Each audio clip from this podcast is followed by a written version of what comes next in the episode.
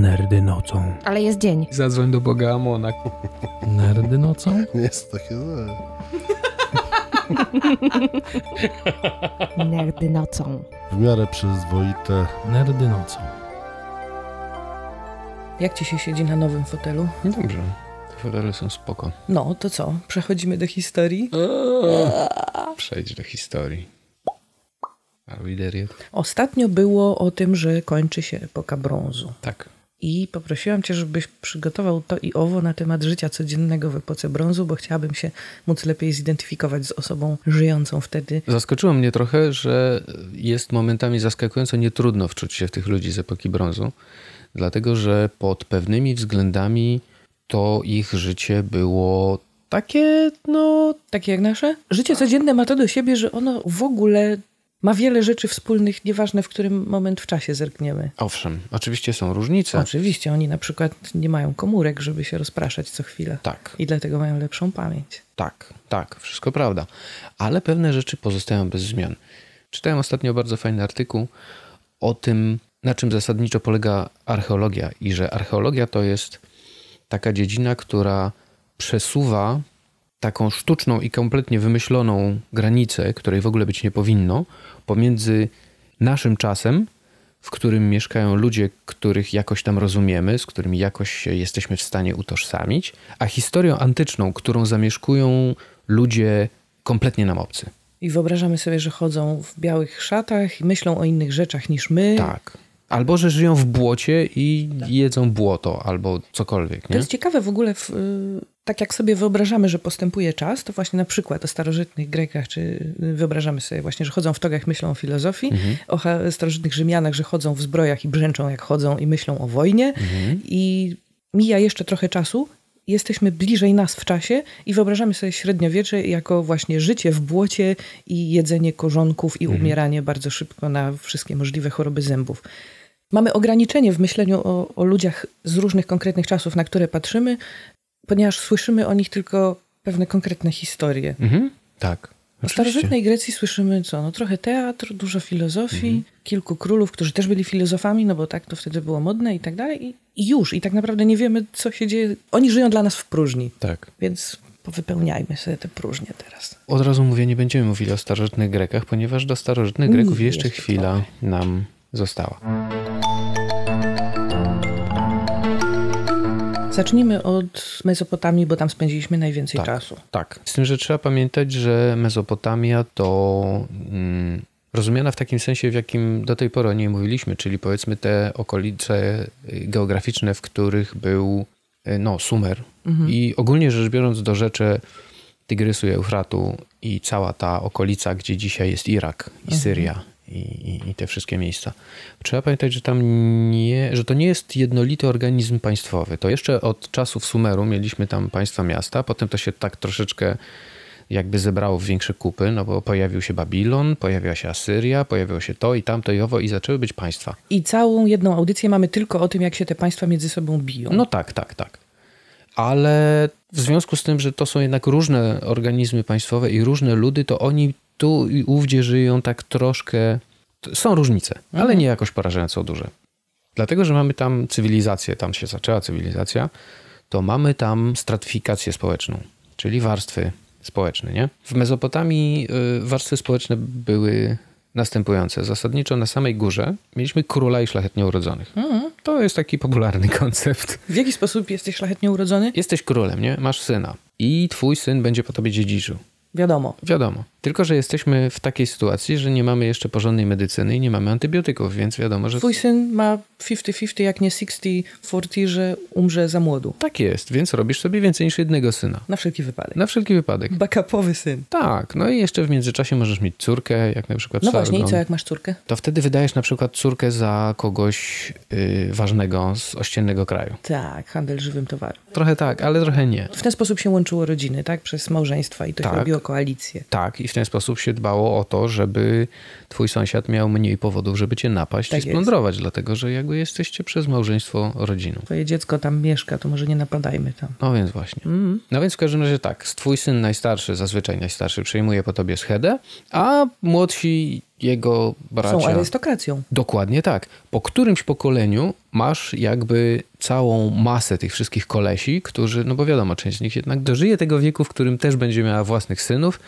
nie zginie od chorób wieku dziecięcego i skrytobójstw i też jakby nie można ich tak po prostu wyrzucić i Nie, no trzeba o nich dbać, to rodzina. no więc właśnie, no więc właśnie, a jako, że oni byli, jako, że oni są jakimiś tam dalekimi potomkami króla, który jest powiedzmy twoim dziadkiem, no to nie są tacy znowu ostatni, trzeba o nich zadbać, no i rodzina, szlachetnie urodzeni i tralala, no i stąd się bierze arystokracja. Jasne. A oni na pewno też mają jakieś, no bo się dziedziczy jakieś na przykład tereny i tam się dzieją między sobą, więc to też są często ważni gracze w polityce lokalnej. Owszem. i mają swoich żołnierzy. Mogą mieć. Mhm. To zależy od y, ustroju państwa tak naprawdę. Okej. bo nie jest powiedziane, że w ogóle to jest tak, że do wynalazku stałej armii dopiero teraz dochodzimy. Wcześniej, czyli za czasów powiedzmy Sumeru i za czasów, dajmy na to, nie wiem, e, Imperium Akadyjskiego, nie było stałych armii. Nie było zawodowego wojska. Czyli co, jak była potrzeba bójki, to co się robiło? Skrzykiwało się kolegów? Tak. Skrzykiwało się pospolite ruszenie. Nie powiem obywatel żołnierz czy obywatel wojownik, bo wtedy tak naprawdę nie ma jeszcze ani obywateli, ani żołnierzy. Też nie tak, że są zbrojne bandy. Są grupy ludzi, którzy w razie potrzeby potrafią zająć się wojaczką. Nie są w tym jakoś porażająco znakomici, ale Mają swoje narzędzia, jakby co, tak, pójdą się bić z nami. tak, tak. Więc to nie jest tak, że jak ktoś jest możnowładcą, to z automatu ma zbrojnych. Mm, on może mieć potencjał na zbrojnych. Dlatego, że może być taka sytuacja, że on może mieć ziemię, a na tej ziemi mogą pracować jacyś ludzie i tych ludzi w razie gdyby co, można na przykład powołać pod broń. Ale to nie jest tak, że on ma, że on ma armię. Ale może mieć, Ale może mieć. może mieć ziemię, może mieć, może, tak, może mieć. Może mieć. Mam wrażenie, że jak masz dwór, to jednak masz chociażby swoją ochronę. No tak, jakąś tam, jakąś tam drużynę, jakąś tam gwardię pałacową. No, no pewnie tak. Spodziewałbym się tego. Okej, dobra, to mamy warstwę arystokracji i tam sobie mieszka niewielka grupa ludzi dobrze urodzonych. Tak. I oni mają rzeczy. Między Tak. innymi mają ludzi. Mm, tak, ale nie do końca. To znaczy, no bo jak mówisz mają ludzi, to od razu myślimy o niewolnikach. Tak. No i to jest prawda, ale też niekoniecznie. Akurat w Mezopotamii jest tak, że to raczej, w wielu przypadkach to raczej państwo ma ludzi. Dlatego, że trochę przeskakujemy, ale to jest tak, że niewolnikiem zostawałaś dlatego, że na przykład zostałaś wzięta w niewolę. Na przykład w czasie bójki. No w czasie wojny, no Mhm. wiesz, bójki. No, jak jedno państwo napada na drugie, to to jednak jest nie wojna. jest. To jest wojna, no właśnie. Więc w każdym razie, jeżeli twoje państwo, twoje państwo, twoje osobiście przegrało, a ty no, nie zginęłaś dzielnie na, na polu walki, tylko na przykład przeżyłaś tą sytuację, to zostawałaś jeńcem wojennym, a jako jeniec wojenny zostawałaś niewolnikiem. Państwa. Nie, Państwa. nie konkretnego. Nie konkretnego kolesia, tylko to był taki jakby państwowy niewolnik. Mhm. Ale nie tylko dlatego. Można się było, się było sprzedać w niewolę, bo na przykład nie miałaś z czego spłacać swoich długów. Albo nie miałeś innego pomysłu na życie, a jednak jak będziesz niewolnikiem, to dostaniesz jeść, spać. No. Pranie może nie, ale wiadomo. No, owszem. A wydaje mi się, że to jednak bardziej honorowe y, rozwiązanie niż, wiesz, pójść do więzienia. Były więzienia wtedy? Mm, Więzień jako takich wydaje mi się, że jeszcze nie było. Wydaje mi się, że kara pozbawienia wolności to nie była, nie, Nie była była jeszcze jeszcze wtedy. Mhm. praktykowana. E, Wydaje mi się to logiczne, dlatego że Nikogo nie stać na to, żeby człowieka zdolnego do pracy nie używać. Tak jest, więc używało się go w taki sposób, że, bo, bo, to, bo można było zostać niewolnikiem także za karę. Popełniłaś przestępstwo, zostałaś niewolnikiem w ramach kary. No i wtedy na przykład zasuwałaś na polu. Ale bycie niewolnikiem to nie był. Na... Kocie, uciekaj. On musi kochać mikrofon. Dajmy mu jakiś inny, niech on go kocha w dużym pokoju.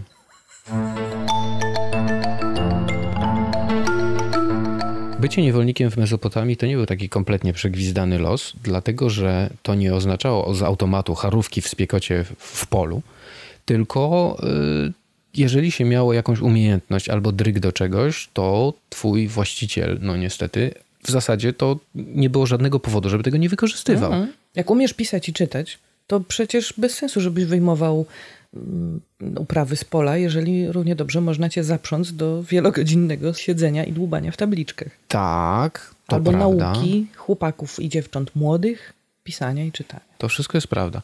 Z tym, że akurat skrybowie To była chyba dobra bardzo fucha. dobra. Będę o tym, będzie o tym za chwilę. Dobra. Ale tak, zasadniczo, jeżeli miałaś talent do czegoś albo dryk, to byłaś wykorzystywana zgodnie ze swoimi predyspozycjami i dostawałaś, oprócz tego, że dach nad głową i tak dalej, dostawała, no, no nie powiem pensję, ale można się było w Mezopotamii wykupić z niewoli. Pracując w niewoli. Tak, Odłożyć sobie. tak. No, Także to jest fair. to jest fair i to nie jest... I to nie było tak zupełnie abs- abstrakcyjne poza zasięgiem jako koncept, tylko faktycznie można było Mhm. Do się zrobienia. Mhm. Są ślady w literaturze y, na temat ludzi, którzy po prostu zbierali się, się wykupili. wykupili. Tak zrozumiałem, tak.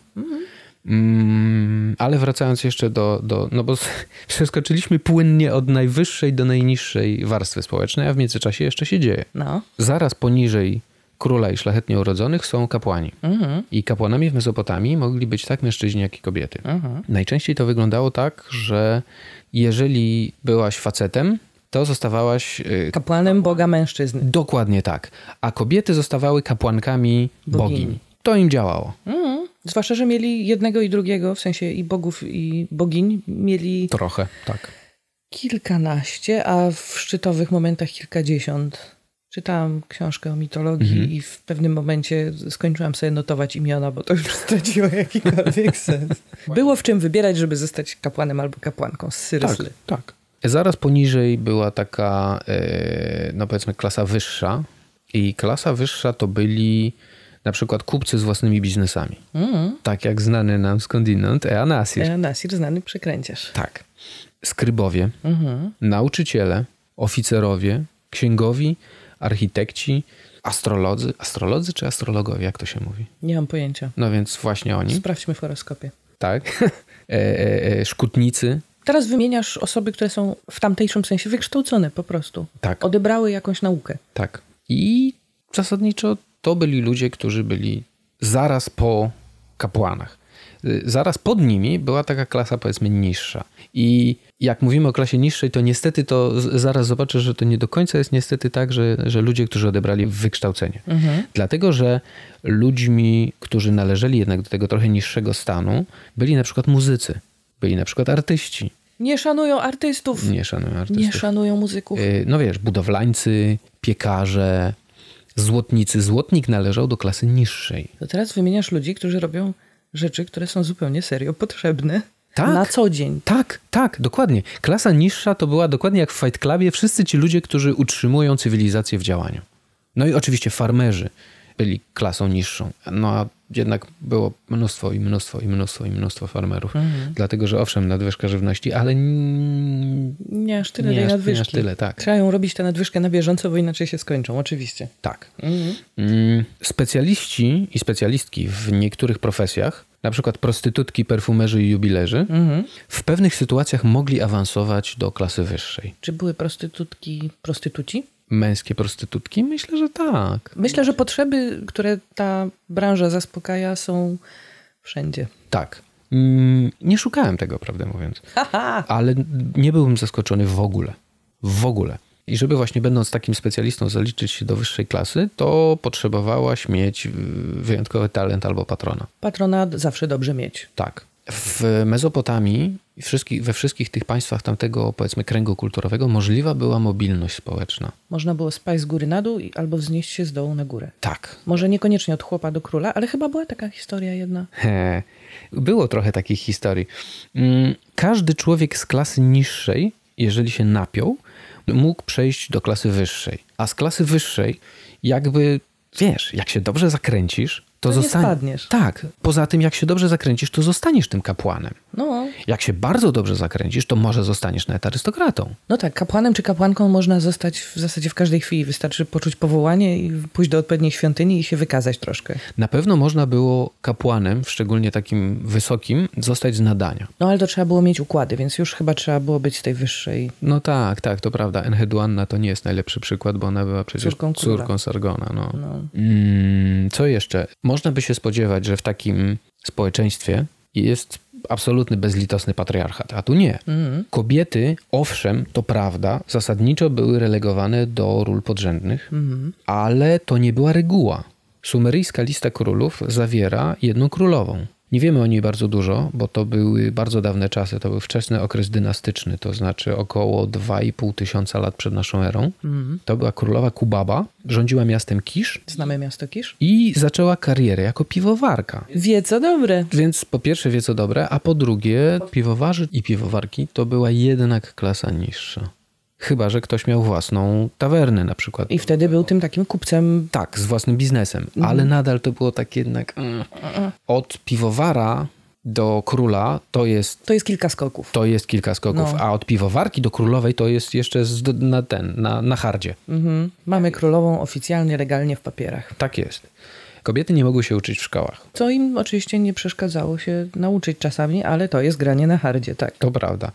E, chociaż znowu od tej reguły też jest wyjątek, no bo już wspomniana Enheduanna, która była niewątpliwie córką Sargona Zakadła, była poetką, była kapłanką, była no kim, kim tylko zechcesz, no ale była córką króla, więc miała, Łatwiej. więc miała łatwiej, miała wygryw. Kobiety ważyły piwo, Mhm. kobiety utrzymywały, prowadziły i utrzymywały tawerny, Mhm. kobiety były też pierwszymi lekarkami. Dopóki się nie okazało, że z bycia lekarzem są pieniądze i wtedy zostały wypchnięte z zawodu przez facetów. Mhm. To było trochę słabe, ale, no ale też nie jest tak, że zadaniem kobiety było siedzieć w domu, rodzić dzieci i, i się wszystkim Podobać. podobać i sprzątać i, i takie tam. No właśnie, jak jest w domu? Dom w Mezopotamii jest zasadniczo po to, żeby się schować przed słońcem. Czyli to jest dach. Przede wszystkim. I być może trochę ścian, które będą trochę, trochę jednak. Tak. Jeżeli mieszkasz w mieście i nie jesteś osobą szlachetnie urodzoną albo królem, to twój dom jest zrobiony z cegły suszonej na słońcu. Najprościej zrobić chyba. Tak. I ta cegła jest prosta i jest niedroga, ale ma ten problem, że jeżeli mocno pada, to się rozłazi. Od wilgoci się, ci się Tak. rozchodzi tak, dom. o, tak. Zmienia się w kubkę błota. Tak, tak, Oj, niestety niedobrze. tak, niestety tak. Jeżeli cię nie stać nawet na taką cegłę, to robisz domostwo z trzciny. No tak, tam dużo drzew to nie ma, żeby z nich No. budować, więc robisz to z trzciny. Jeżeli byłaś bardzo dziana, albo na przykład byłaś królem, to miałaś wielki dom, albo wręcz pałac, który był zrobiony z cegły wypalanej w piecu. No i to były trwałe budowle. Trochę zostało po nich. Tak, zostało po nich całkiem sporo. Jeżeli taki dom był z cegły, niezależnie czy takiej, czy śmakiej, to malowało się go na biało, ponieważ jest upał. Ponieważ jest upał biały, odbija Tak. światło. Nie było w takich domach okien. W sensie zdarzały się, ale by, były rzadko. Okno to tylko jeszcze jeden sposób, jaki ciepło może wejść do środka. Tak. No przecież tak, nie było szyb. No, no, nie było szyb. A co dopiero szyb wielowarstwowych. Tak, oczywiście, że nie. Jeszcze nie, jeszcze długo, długo nie. Ale były drzwi. Były. Trzeba było w takim domu jakoś światło zorganizować i oświetlało się taki dom lampkami na olej sezamowy. To musiało ładnie pachnieć. Tak myślę. I niespecjalnie grzało. Owszem, też zaleta. Drugie rozwiązanie za to grzało podejrzewam mocniej, bo to były takie, mm, nie, nie znalazłem dobrego słowa polskiego na to, takie otwarte jakby palenisko z brązu, przenośne. Micha? Tak, tak, tak, tak, tak, tak. Taka micha na, na takich nóżkach małych i tam się sypało jakieś właśnie palne rzeczy. I one dawały światło i trochę ciepła. Tak, niestety Super. trochę ciepła. W takim domu miałaś normalnie meble. Było łóżko. Tak, było łóżko, były stoły, były krzesła. Oczywiście tym lepsze, im, im więcej miałaś pieniędzy, to jest Oczywiście. oczywiste. Lampeczka, łóżeczko, biureczko, wszystko jest. Co Mhm. jeszcze? Dzieło sztuki No jeżeli było cię stać na jakieś dzieło sztuki, to pewnie, że tak. albo jakaś taka, wiesz, wyjątkowo nierówno wypieczona cegła, która wygląda ładnie. Widzę to. Ludzie chcą mieć ładnie tak, w swoim tak, tak, ludzie chcą mieć ładnie, pewnie, że tak, więc na pewno były jakieś sposoby, na pewno były jakieś dzieła sztuki, które były dostępne nawet dla ludzi, którzy nie byli jakoś porażająco bogaci. Mhm. No i tak, no, jadło się posiłki z rodziną, Grało się w gry. grało się w gry, tak, Tak się grało się w spędzało gry, popołudnia. grało się w kości, Do dzisiaj się tak spędza No. popołudnia w ciepłych krajach. tak, tak, dokładnie tak, do tego zmierzałem. Mm, Sposób, w jaki ludzie żyli w epoce brązu, w tamtych okolicach i sposób, w jaki ludzie żyją w tamtych okolicach teraz, są dosyć podobne. Pracujesz w dzień, jak Mhm. jest najgorsze słońce, to się chowasz przed nim. Tak, Potem nadchodzi przyjemne popołudnie, więc wkładasz kwiatek za ucho i grasz z kimś w jakąś grę planszową tak, w cieniu przy stoliczku na zewnątrz. tak, popijając sobie Coś. coś. Popijali piwo. Piwo było potwornie ważne i piwo było... Ale to była zupa, to był pokarm, a nie mm, napój rozrywkowo chłodzący na wieczór. No, schłodzący był problem, tak, to No. prawda. No ale co, będziesz piła wodę? Wino. W Mezopotamii wino nie było popularne. Grało się w gry, grało się w tą królewską grę z Ur, grało się w kości, e, opowiadało się historie i grało się przy tym na instrumentach. Szczególnie po wieczornym posiłku to był taki dobry moment, żeby właśnie sobie usiąść i... I zaśpiewać coś razem. Tak, tak. Albo żeby ktoś opowiedział jakąś historię. No tak, nie było książek, historie były opowiadane co Tak, wieczór, żeby je dobrze zapamiętać. Mhm. Mhm. Kości są co najmniej tak stare jak królewska gra z Ur. No bo nie da się grać w królewską grę z Ur bez kości. Najstarsze znane kości wykopano w Iranie i datuje się je na mniej więcej 2800 przed naszą erą. Nieźle. Z czego?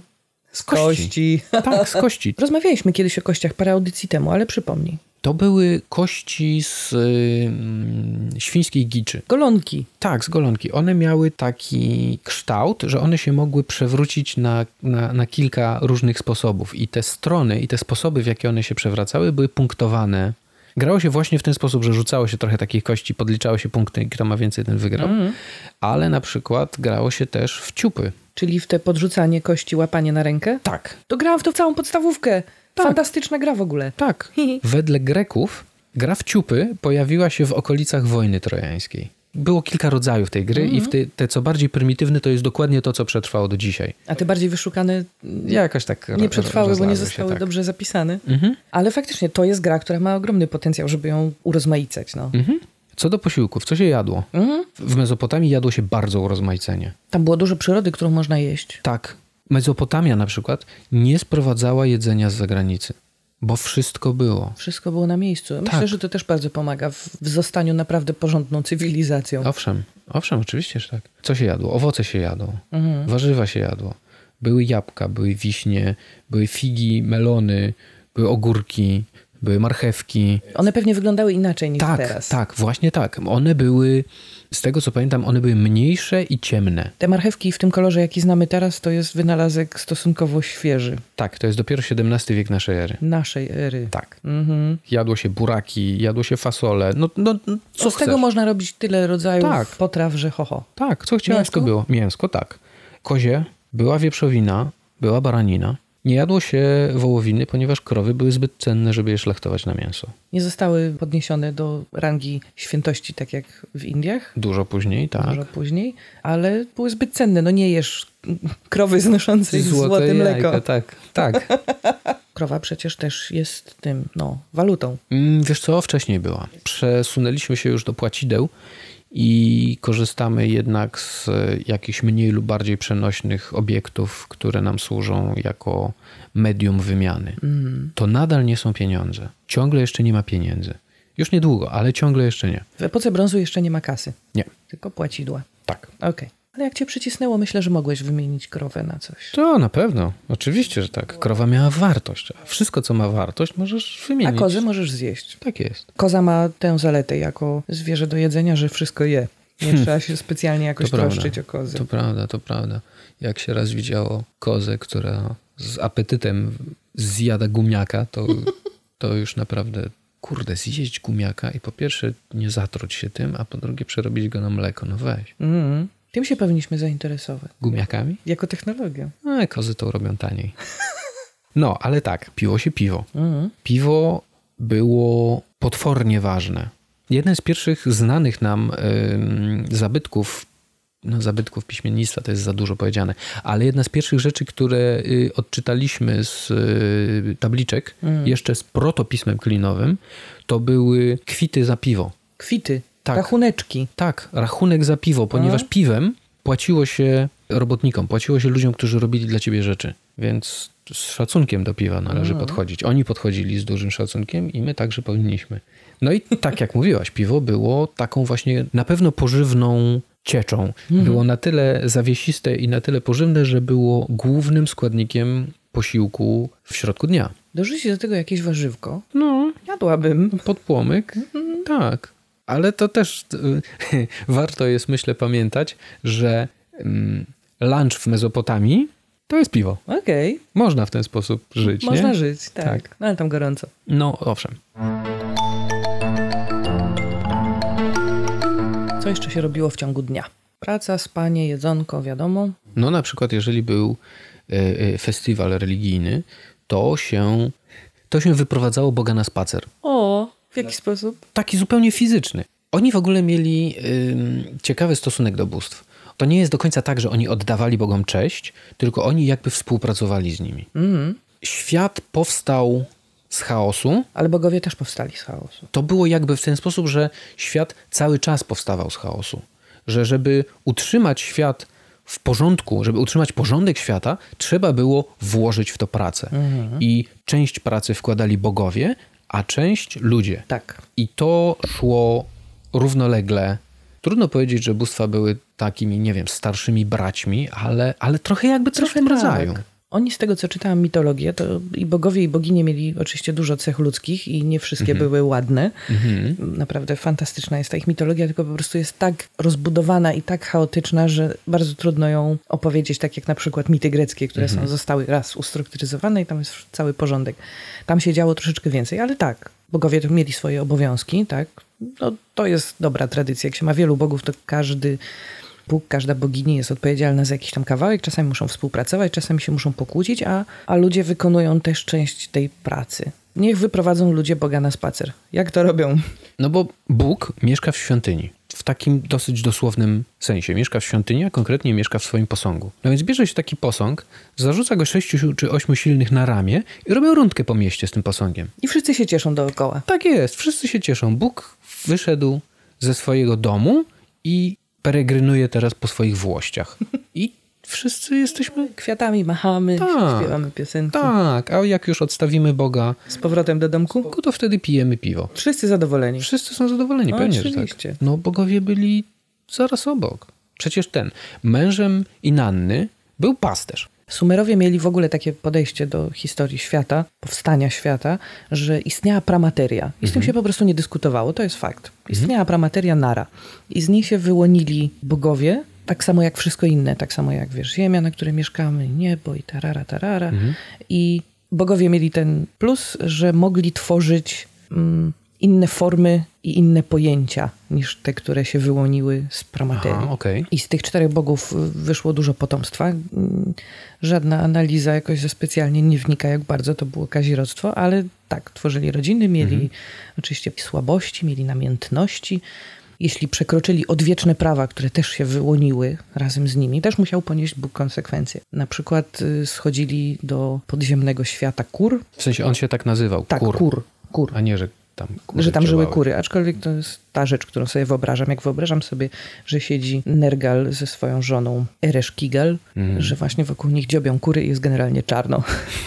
Czarne ziarno, czarne kury. Tak jest. No i to była poważna sprawa, przecież Inanna tam zeszła i ona schodząc właśnie do, do kur, pozbywała się swoich kolejnych atrybutów Tak, i ona tam boskości. doszła na sam koniec nago, po Boso. prostu boso i podoba mi się, że oni mieli w ogóle takie proste podejście. W sensie, jak powstał świat? Dobra, pramateria. To jest wieczne i nieważne skąd się wzięło. Jest wieczne, jest, Było nie ma, co, nie ma co komplikować. Prawa w religii sumeryjskiej były takie, że wszystko podlega zmianie, wszystko się przekształca. To jest niegłupie bardzo. Bardzo. Stałe odradzanie się. No wiesz, to ma odzwierciedlenie w przyrodzie. Mhm, oczywiście, że Więc tak. to wiesz, wiadomo. No jeżeli wszystko się przekształca, to też jakby tutaj jest miejsce na pracę bogów i na pracę ludzi, żeby to się przekształcało i odradzało we właściwy sposób, we właściwe formy, a nie rozlazło. Tak jest. Mam tutaj taką notatkę, że wiele koncepcji sumeryjskich miało gigantyczny wpływ na to, jak wyglądała później jakakolwiek myśl religijna i grecka, i, i później i judaizm, i chrześcijaństwo. Wszystko to tak naprawdę bardzo dużo wzięło z tego, co on, Sumerowie sobie wypracowali jako swój porządek. No wiesz, oni byli pierwszą cywilizacją. Mhm. Nic dziwnego, że wszędzie zostawili swoje odciski sumeryjskich palców. Zostawili dużo piśmiennictwa, które było czytane później. Tak. Mam tutaj zanotowane, że po upadku trzeciej dynastii z Ur, wtedy co Amoryci wygrali i tam był troszeczkę bałagan, ale Sumerowie postanowili ocalić swój dorobek duchowy, wszystkie te pisma, więc po prostu robili kopie i z nimi uciekali. Mhm. Oni mieli tam przecież szkoły w tym Sumerze i są całkiem porządne papiery na to, że w tych szkołach uczono historii. Więc teraz znowu, jak ja sobie wyobrażam, wiesz, My się teraz trochę uczymy historii. Mhm. Ja się uczyłam historii w szkole, wszyscy się trochę uczyliśmy historii w szkole i siedzi takie sumeryjskie dziecko i uczy się historii z wtedy. Tak. I ta historia była, oni lubili porządek, była całkiem usystematyzowana. Kurde, oczywiście, że tak. Przecież sumeryjska lista królów jest de facto historią. A bogini Isztar, ona miała, ona miała potrzeby. I Nanna. Tak, Inanna Isztar to jest ta sama bogini tak naprawdę. Tylko potem przechodzi do... Następnych mitologii pod nowymi imionami, tak. Dokładnie tak. Można było, na przykład jeżeli Bóg poczuł słabość do ciebie, to można było mu odmówić. I to było fair. I to było fair, tak jest. I Nanna poczuła słabość do Gilgamesza w swoim czasie i Gilgamesz powiedział, że n- nie. Bardzo w porządku jesteś boginią, ale, Ale, ale jednak nie. jednak nie. No, Okej. Znaczy, no nie tak, nie tak do końca okej, no bo wiadomo, że kobieta, której się odmówi, potrafi być bardzo... No, mężczyzna, któremu się odmówi, też O, też potrafi, potrafi, być to bardzo. prawda. To po obu stronach tam były liczne grzechy To i prawda. niektóre dość paskudne. Wszystko I jak to w prawda. każdej mitologii. No właśnie nie do końca. Jeżeli jakby odmówisz bogini Inannie, to masz trochę przerąbane, ale na przykład nie zostajesz obdarta ze skóry. Albo coś w tym stylu. Bóg się tylko czuł urażony Tak. i dawał temu wyraz, ale Tak. nie był brutalnie mściwy. Owszem, nie był brutalnie mściwy. Nie było tak, że właśnie ciach i jesteś rozdarta na dwie połówki, tylko na przykład bogini Inanna zsyła na ciebie byka, żeby cię podeptał i wziął cię na rogi. No i jeżeli jesteś Gilgameszem, to jest taka sprawa, Poradzisz którą... sobie. Tak jest. Dasz sobie radę. I nawet wzbudzisz szacunek, więc Tak. okej. Tak. A jak sobie nie poradzisz, to znaczy, że byłeś fają od początku, więc No, sorka. trochę tak, trochę tak. Niektórzy zadzierali z boginiami, także tak samo jak bogowie za... potrafili czasami zadzierać z cywilnymi kobietami. I na przykład Inanna sobie kiedyś spała i zdybał ją ogrodnik. Mhm. Książka, którą czytałam, sformułowała to w ten sposób. Człowiek ten znieważył boginię, uwodząc ją podstępnie w czasie głębokiego snu. Uuu, Piękny i elegancki język na to, że ogrodnik po prostu złapał Inannę i ją zgwałcił. tak. Więc oczywiście, że bogini szukała wtedy zemsty i Mam nadzieję, że spadła na niego jak paleta cegieł. spadła na cały sumer jak paleta cegieł. Fair. Napełniła krwią wszystkie studnie w kraju, przesyciła krwią wszystkie gaje i ogrody w kraju. Niewolnicy przychodzący po drzewo pili tylko krew, służebnice przychodzące po wodę czerpały tylko krew. Rozumiem to.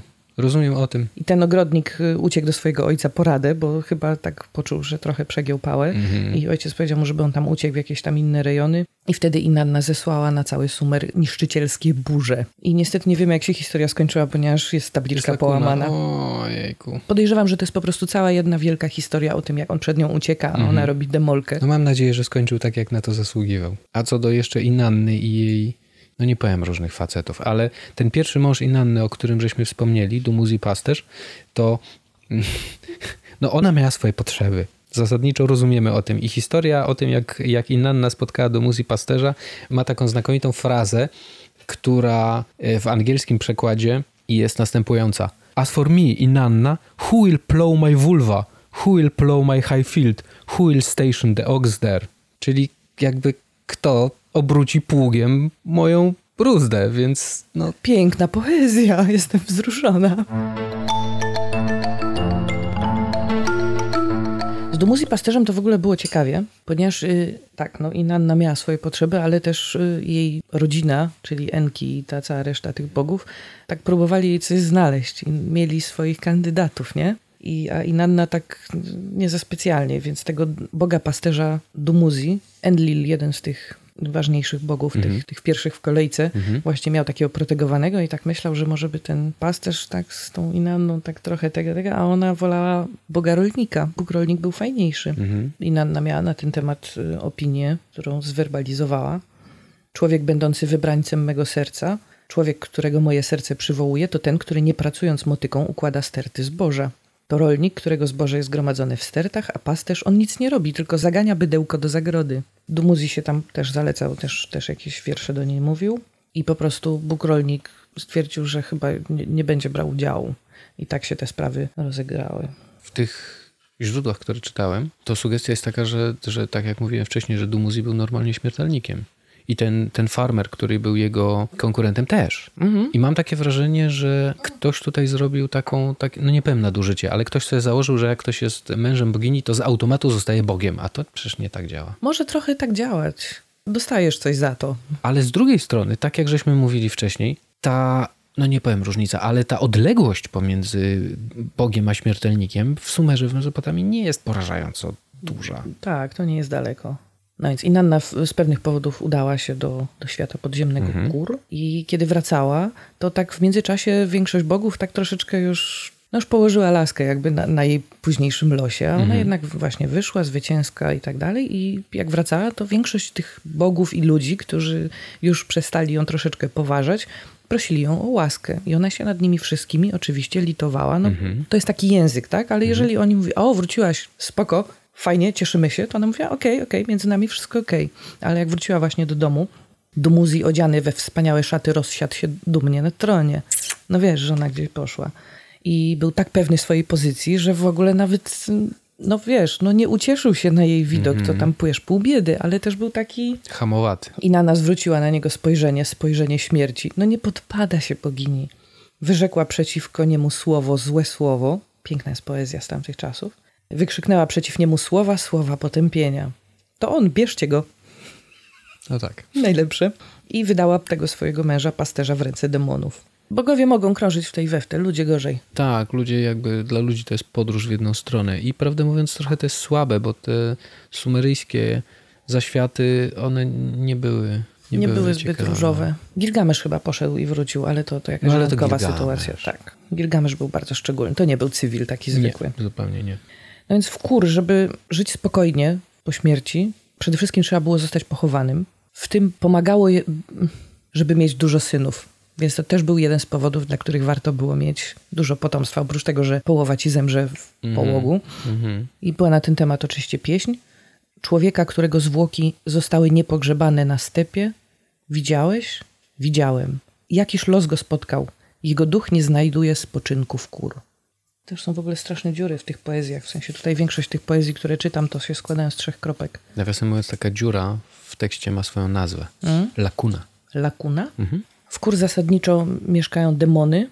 Więc generalnie jak już zostałeś powiedzmy pochowany i miałeś tych synów, którzy jakoś tam tę twoją pamięć odpowiednio uszanowali, to jeżeli byłeś lepszy, to czekało na ciebie siedmiu sędziów. Jak byłeś gorszy, to prawdopodobnie też czekali, tylko nie poświęcali ci tyle uwagi. Był to Nergal z małżonką Ereshkigal. Był Gilgamesz, on był jednym z sędziów O, świata podziemnego. Naprawdę ten facet miał niesamowitą historię, możemy o tym kiedy indziej. Był Dumuzi, Namtar, Hubiszag i Ningishida.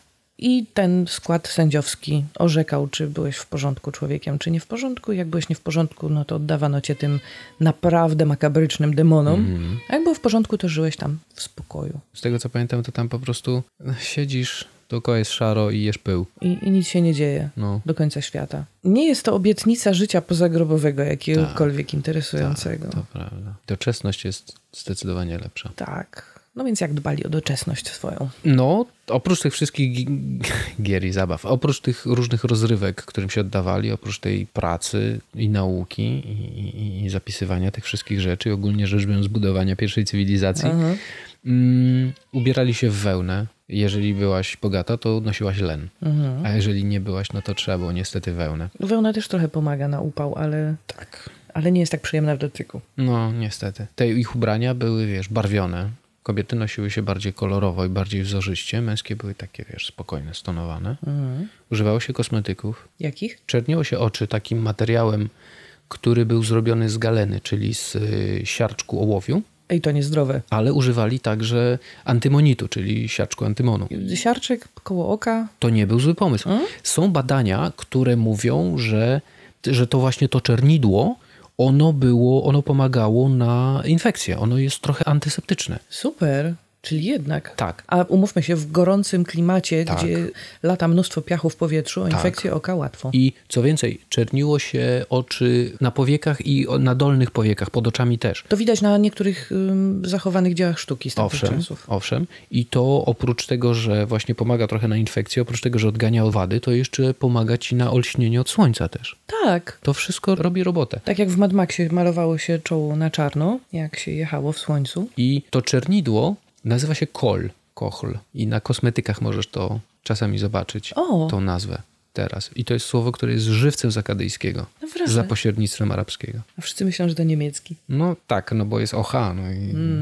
No ale tak. No i no, żyło się. Miało się problemy. Pisało się listy w związku z tymi problemami. Na przykład, bo lew ci utknął na poddaszu i nie wiadomo, co, co z nim zrobić, więc pisze się list do... Lew ci utknął na poddaszu? Tak. I Serio? piszesz list Tak. i czekasz na korespondencyjne rozwiązanie problemu lwa, który ci się utknął na poddaszu? Tak, bo to jest złożona sprawa, bo wiesz, domostwo nie jest twoje zasadnicze. No jak ma pięterko, to to jest bogate. Tak, więc piszesz do właściciela domu, którym się opiekujesz, bo nie wiadomo, co ten możnowładca by chciał. No bo czy on będzie chciał, żeby tego lwa przepędzić stamtąd, czy chciał, będzie chciał, żeby go zabić na przykład, czy na przykład zostawić lwa w spokoju, bo on go chce zabić samodzielnie. Codzienne problemy. Tak, codzienne problemy. Coś jeszcze? Tak, bo na przykład chciałby się nowy rydwan, a nie, nie dają. Albo na przykład, bo jest się w internacie i matka nie przesyła pieniędzy na ubrania. Płacideł. Płacideł, no, albo nowych ubrań.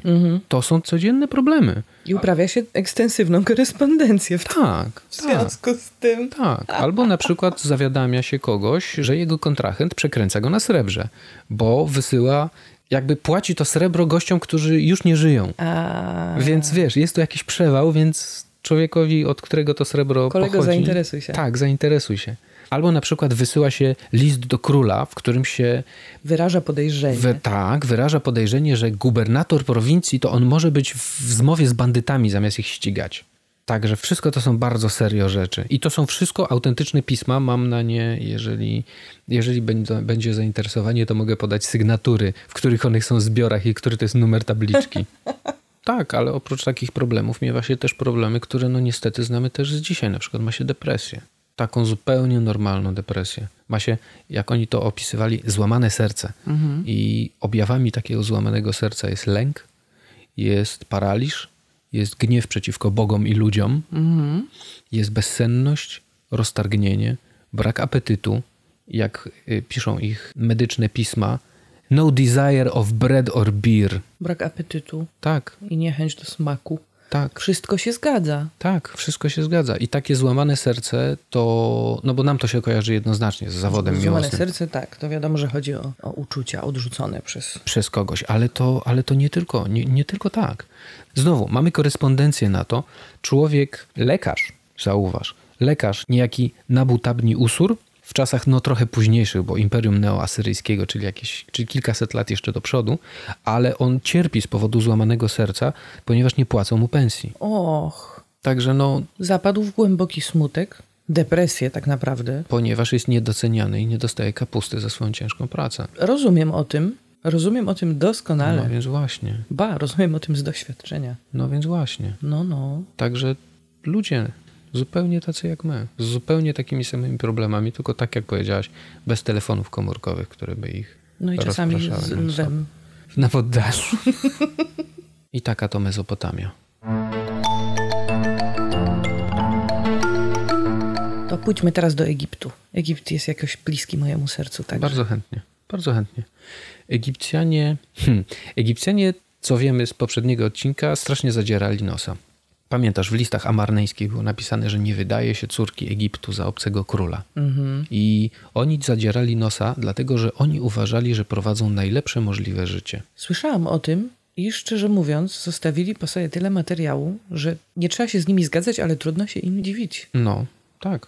Oni do tego stopnia uważali swoje życie za najlepsze, że sądzili, że za światy to będzie po prostu to samo. Jest tak fantastycznie, że potem ma być tak samo fantastycznie, jak jest to. Tak, dokładnie. I dlatego, znaczy, można zrozumieć, dlaczego się w takim razie wybierali w, w podróż mm, pozagrobową ze swoimi ulubionymi rzeczami. Nie? Mhm, przydadzą się tam. Tak jest. Jaka tam była struktura społeczna? Dosyć podobno.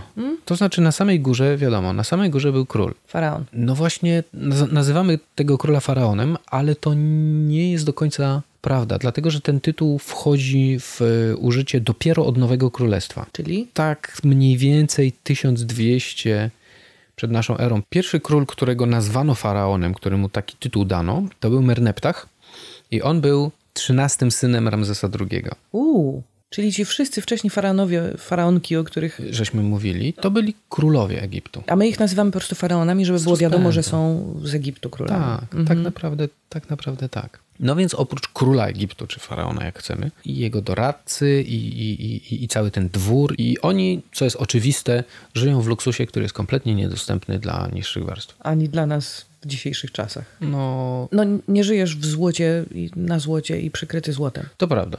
Ale to jest w ogóle osobna kwestia.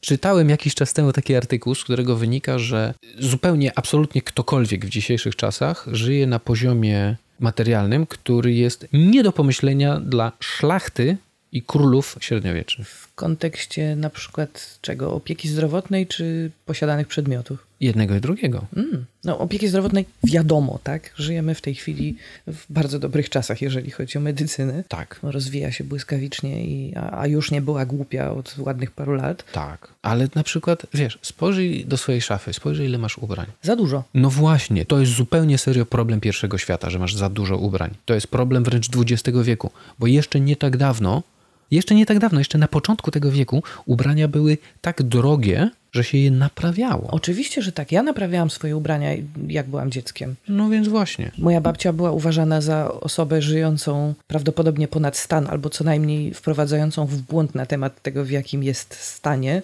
majątności, ponieważ miała kilka ubrań, które mieszała ze sobą, żeby się ubierać różnie codziennie i szyła sobie sama rzeczy z resztek. No więc właśnie. A, a propos resztek, e, jeszcze na, na sekundkę do Mezopotamii. Mm, jestem kobietą majętną.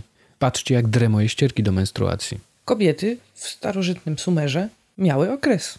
Zupełnie tak jak my dzisiaj. No tak, no. Drę je, czyli co? Drę. Nie piorę i używam ponownie. Drę i wyrzucam. Ekstatycznie luksusowe. Tak, Jestem kobietą majętną. tak. A w Egipcie też kobiety miały okres. No, oczywiście, że tak. To jest kondycja ludzka. Kondycja połowy ludzkości. Ale wracając do Egiptu. Co do tego, ile faraon ma władzy, no to, to zależy od okresu historycznego. Ponieważ czasami ma pełnię władzy i jest takim solidnym faraonem, takim jak ci wszyscy generałowie, o których e, żeśmy mówili, ci różni, wiesz, Totmesi, ci, ci no Ramzes II chociażby, o którym będzie trochę później w następnym odcinku. Mm, A czasami jest po prostu figurantem, za którego rządzą kapłani albo numarchowie. I czasami wezyr, i o tym też są jakieś bajki na pewno. Wezyr to trochę nie te czasy. A kiedy się wezyr pojawia? No Wezyr to są kraje arabskie, czyli to jest nasza era i to dosyć późna. O, jak to warto posprzątać czasami w tym, co nam popkultura sprzedaje. No, owszem tak. I no więc to jest król i to jest jego dwór. Zaraz poniżej króla są właśnie ci regionalni gubernatorzy, czyli nomarchowie, o których mówiliśmy już wiele I razy. nazywają się nomarchowie, a nie monarchowie, ale Tak. łatwo dzięki temu zapamiętać.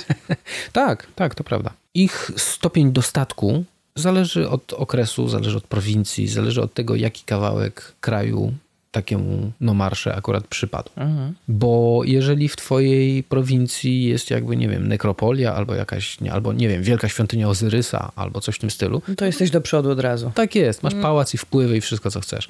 A jeśli nie, no to masz duży dom i już. I jesteś tak naprawdę no, panem na włościach, Tak, ale niczym szczególnym. tak, tak.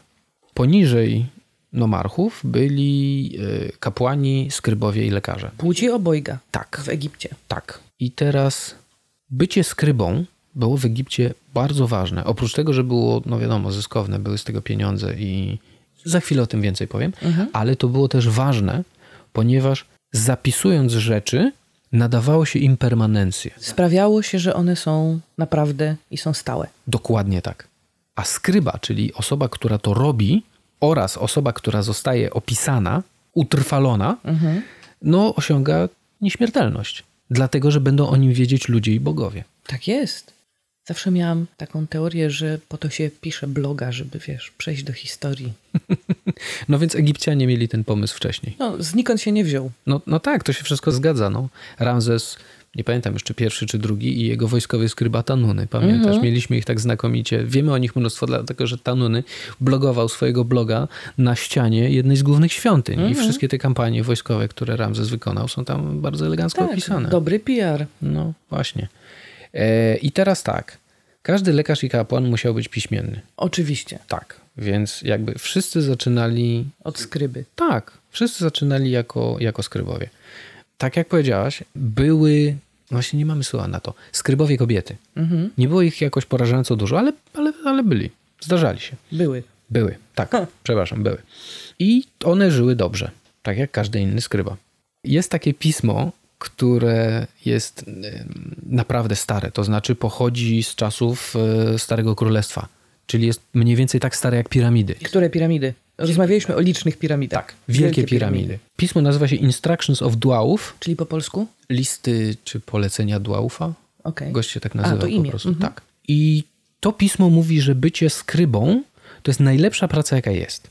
I ten tekst zawiera jakby uzasadnienie. Mhm. To znaczy porównuje pracę skryby do wszystkich innych zawodów. I to jest, nawiasem mówiąc, y, fajne pismo, dlatego że wiemy trochę na temat zawodów w Starym Królestwie. Mhm. Przydało nam się to. To jest leitmotyw, który się będzie przewijał przez większość historii Egiptu. To, że, że znakomicie jest być skrybą. Mhm. To, że lekarz i kapłan muszą być piśmienni, to wiadomo. Ale jednocześnie, jako że literatura medyczna była religijna wtedy, To znaczy? no bo choroby były albo działaniem złych duchów, albo bogów.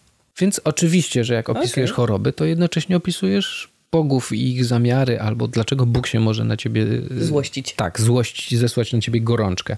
To przez większą część historii Egiptu lekarze byli kapłanami jednocześnie. Praktyczne. Tak. Jednocześnie leczyli cię i wypędzali z ciebie złe... złe duchy, co wychodziło na jedno.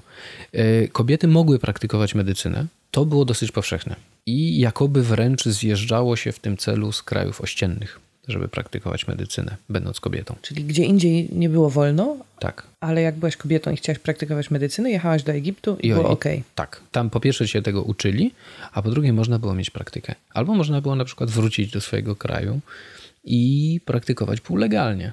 Jest taka grecka historia o jednej z pierwszych yy, lekarek, która właśnie była wykształcona w Egipcie i praktykowała medycynę w przebraniu mężczyzny. Była w tym na tyle dobra, że jej koledzy po fachu oddali ją pod sąd, że dopuszcza się z czynów nierządnych ze swoimi pacjentkami. I legenda mówi, że wywinęła się z tego zarzutu po prostu podnosząc tunikę i demonstrując piersi, ponieważ jak wiadomo kobieta z drugą kobietą nie może czynów nierządnych uprawiać.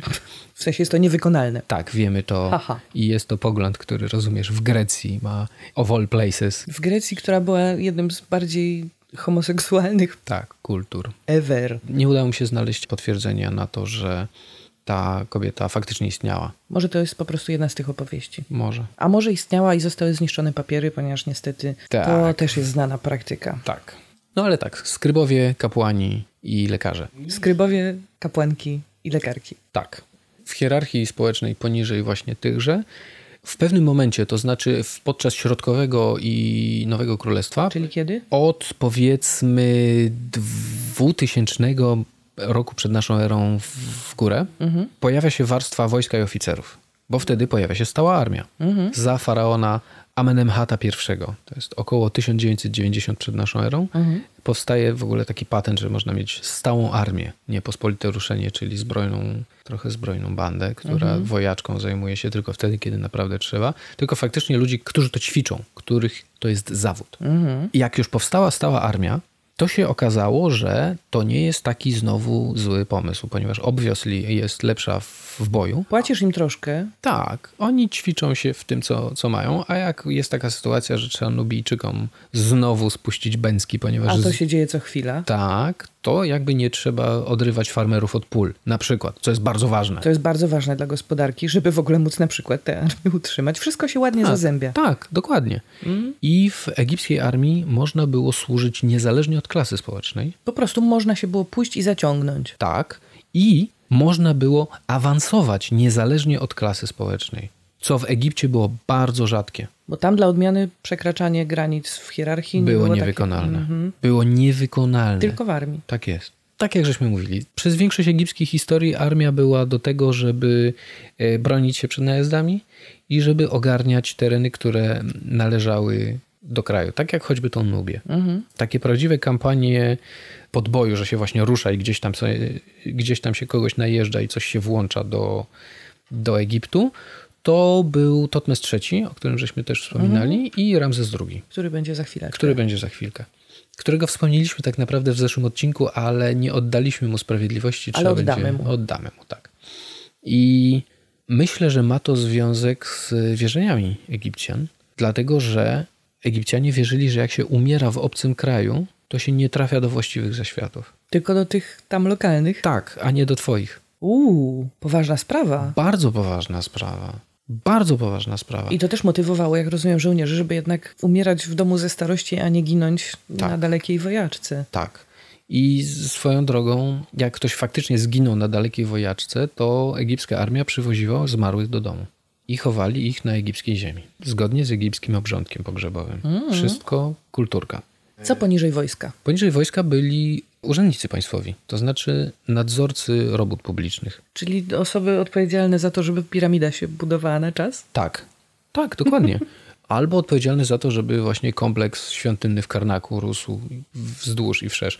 Bo kiedy się budowało te wszystkie różne e, budynki użyteczności publicznej, był na to odpowiedni moment w roku. Dlatego, że egipskie rolnictwo, jak wiadomo, działa w rytm wylewów Nilu. Tak jest. I jak ziemia jest pod wodą, to nie można jej uprawiać. Więc rolnicy są wolni. Więc można zapędzić ich do budowania czegoś. Zapędzić to jest takie brzydkie słowo. Można jakby wykorzystać ich ręce, które robią nic w tej Bezczynne. chwili, e, żeby coś zbudować. I dlaczego nie zapędzić? Dlatego, że oni przecież dostawali za to wynagrodzenie. Taka praca. Pół roku pracujesz w polu, pół roku pracujesz na budowie. Tak, tak. Okej. Po prostu. No i ma to sens. No nie, no jakby ich zmuszać do tego wszystkiego, to by to wszystko było dużo gorzej wykonane i to nie byłoby najlepsze miejsce na świecie. Tak, prawda? Mhm. No ale tak, jak jesteśmy już przy chłopstwie, to tak. Najniższą grupą społeczną byli chłopi, rolnicy pracujący na nie swojej ziemi, czyli dla króla, dla możnowładcy, dla nomarchy albo dla kapłana. Jak mówimy chłopstwo, to, to nie jest takie całkiem precyzyjne określenie. Robotnik, mam wrażenie, będzie lepsze. Tak, tak, masz rację. Dlatego, że niezależnie od tego, że taki właśnie robotnik uprawiał rolę, to jeszcze robił inne rzeczy. W sensie na przykład był kowalem, albo na przykład robił w drewnie. Czyli robotnik, rzemieślnik. Tak. Ziemia nie należała do tych robotników, jak już chyba mówiłem, i dlatego większość tego, co urodziła, szło do właściciela. Do góry, tak. Tak. Kiedy pola są pod wodą, to wtedy robi się roboty inne i te inne roboty, one znowu są jednym z bardzo nielicznych sposobów na jakiś awans społeczny. Czyli można było zostać naprawdę najpierw rzemieślnikiem, a potem takim naprawdę artystą w swoim fachu i wtedy Tak. spinałeś się odrobineczkę po tej Odrobineczkę, tak. O jeden ząbek. Tak naprawdę trochę nawet o pół ząbka, ale ciut. No bo tak, zasuwasz w polu i przy tym swoim radle, jak trzeba coś zrobić w kamieniu, to robisz w kamieniu, ale jakby kto o tym wie? Nikt. Ale potem przychodzi ten moment, kiedy pole jest pod wodą i pracujesz przy świątyni i okazuje się, że masz dryg do kamienia. I masz okazję te swoje rzeczy, które zrobiłaś z kamienia, umieścić w jakimś miejscu, gdzie ktoś to widzi. Na przykład urzędnik publiczny, który nadzoruje, albo jakiś możnowładca, albo jakiś kapłan, albo ktoś. I To ładne, kto to zrobił? tak jest. Ten, tak ten jest. Zdzisiek tutaj. Okej, Zdzisiek, chodź ja cię uczyć każę. Tak jest. Będziesz uprawiał swoje poletko na pół gwizdka, a przede wszystkim będziesz kamieniarzem. No i jest to pewien wygryw. No. To znaczy, nadal nie jest to łatwa i prosta praca, ale przynajmniej pod dachem Tak, nie w słońcu, to także nie jest po kolana w wodzie. coś. Można też było oczywiście ważyć piwo. Najwyraźniej to dobra kariera, gdziekolwiek nie pojedziesz. Tak. Egipt, podobnie jak Mezopotamia, żywił wielki szacunek do piwa przez całą swoją historię. I też płacono tym budowlańcom. Tak, tak, za piramidy. W czasach na przykład Starego Królestwa, czyli właśnie znowu za czasów Wielkich Piramid, piwo ważyły wyłącznie kobiety. Była też oczywiście bogini Odpowiedzialna, odpowiedzialna za piwo. za piwo, nazywała się Tenenet. W portfolio miała także opiekę nad porodami. No to babskie sprawy najwyraźniej. Właśnie, dlaczego babskie sprawy? Dlaczego piwo jest kobiecą pracą? Dlatego, że piwo robiło się z chleba. A pieczenie chleba jest tak bardzo kobiecą pracą, jak, jak tylko można Serio? sobie wyobrazić. Wszyscy piekarze to były piekarki? Myślę, że chodzi raczej o pieczenie takie, wiesz, domowe. Podpłomyki bardziej. No tak, za Starego Królestwa to tak, podpłomyki, ale, ale nadal to z tego się robiło Piwo. piwo. Jak się mieszkało w Egipcie? Taki człowiek, umówmy się, no, nasza grupa społeczna, czyli taki rzemieślnik z lekkimi zdolnościami. No bo Hmm. umówmy się, tam byśmy wylądowali jako to, nie jako faraon. Oj, zdecydowanie nie. Dosyć podobnie jak w Mezopotamii, to znaczy... Biały domek? Tak, chatka z, z błotnej cegły, takiej wiesz, Mhm. suszonej, suszonej na słońcu. Jeżeli byłaś takim właśnie rzemieślniko-chłopem, żeby nie powiedzieć chłoporobotnikiem, to mieszkałaś, zapewne mieszkałaś przy polu. W takim właśnie domku z cegły suszonej na słońcu, Mhm. przykrytym strzechą. W, w takim swoim domku miałaś dwa albo czasami trzy pokoje. E, luksus. Osobno sypialnia, osobno pokój? No tak, Szaleństwo. tak, tylko że wiesz, kozy trzymałaś w tym samym budynku, co ty. Tak, czytałam o tym. Była taka historia, że w y, czasie wykopalisk, w tych właśnie egipskich domostwach, y, staroegipskich, Biali naukowcy, którzy przyjechali z bardzo dobrych europejskich uniwersytetów, nie mogli dojść o co chodzi z tym obszarem zaznaczonym na środku wgłębionym takim troszeczkę niedużo 5 domostwa. centymetrów. Tak, nie mogli na to wpaść, dopóki jeden z nich nie poszedł do człowieka, który tam mieszka lokalnie. Tak, i zobaczył, że on ma dokładnie takie samo wgłębienie na środku dużego pokoju. Znaczy wgłębienie. To było taki, taki prostokątny, czy tam kwadratowy obszar, który był no tak z 5 centymetrów Niżej niż reszta. niżej niż reszta podłogi. I tam po prostu biegają małe kurczaki. To jest po prostu wewnętrzna mikrozagroda dla mikrokurczaków. I nagle, nagle się stało jasne. Mam nadzieję, że stało się także dla niego jasne, że wypadałoby być może zapytać lokalesów, bo być może lokales wie coś więcej. Na temat tego, ile starożytnych zwyczajów przetrwało do dzisiaj. Tak jest. No więc tak, mieszkałaś z kurą i mieszkałaś z kozą. Były okna? Też nie, podejrzewam, że też miałaś jakąś lampkę oliwną i, i, i sobie tyle. świeciłaś.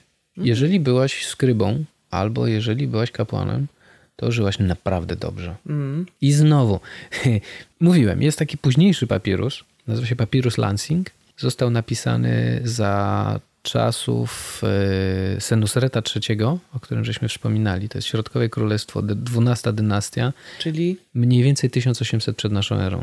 Napisał go taki facet, którego znamy z nazwiska, nazywał się Nebmarenacht i on twierdzi znowu, że praca skryby jest w ogóle najlepsza. Ty, może oni byli w zmowie, może wiesz. Był pomiędzy nimi taki rozdziew czasowy, że po prostu nie było opcji, ale jakby został im, to mają ewidentnie ten sam pogląd. Coś w tym musi być zatem. Tak. Nebmarenacht y, był biurokratą i opisywał w tym swoim papierus Lansing, jak bardzo inne profesje śmierdzą. I to w sensie dosłownie. Robił, rozumiesz, y, y, przysrywy do robotników budowlanych, że od nich klepie. No to no to trochę taki płaski koleś, nie? No. Płaski bardzo. Trochę faja z niego. W No. sensie fajnie się cieszyć ze swojej pracy, ale tak się wywyższać to brzydko. Tak, zdecydowanie. No i tak, no i według y, papierus Lansing mm, skryba zasadniczo miał ludzi od ciężkiej pracy. Jaką ciężką pracę ma skryba?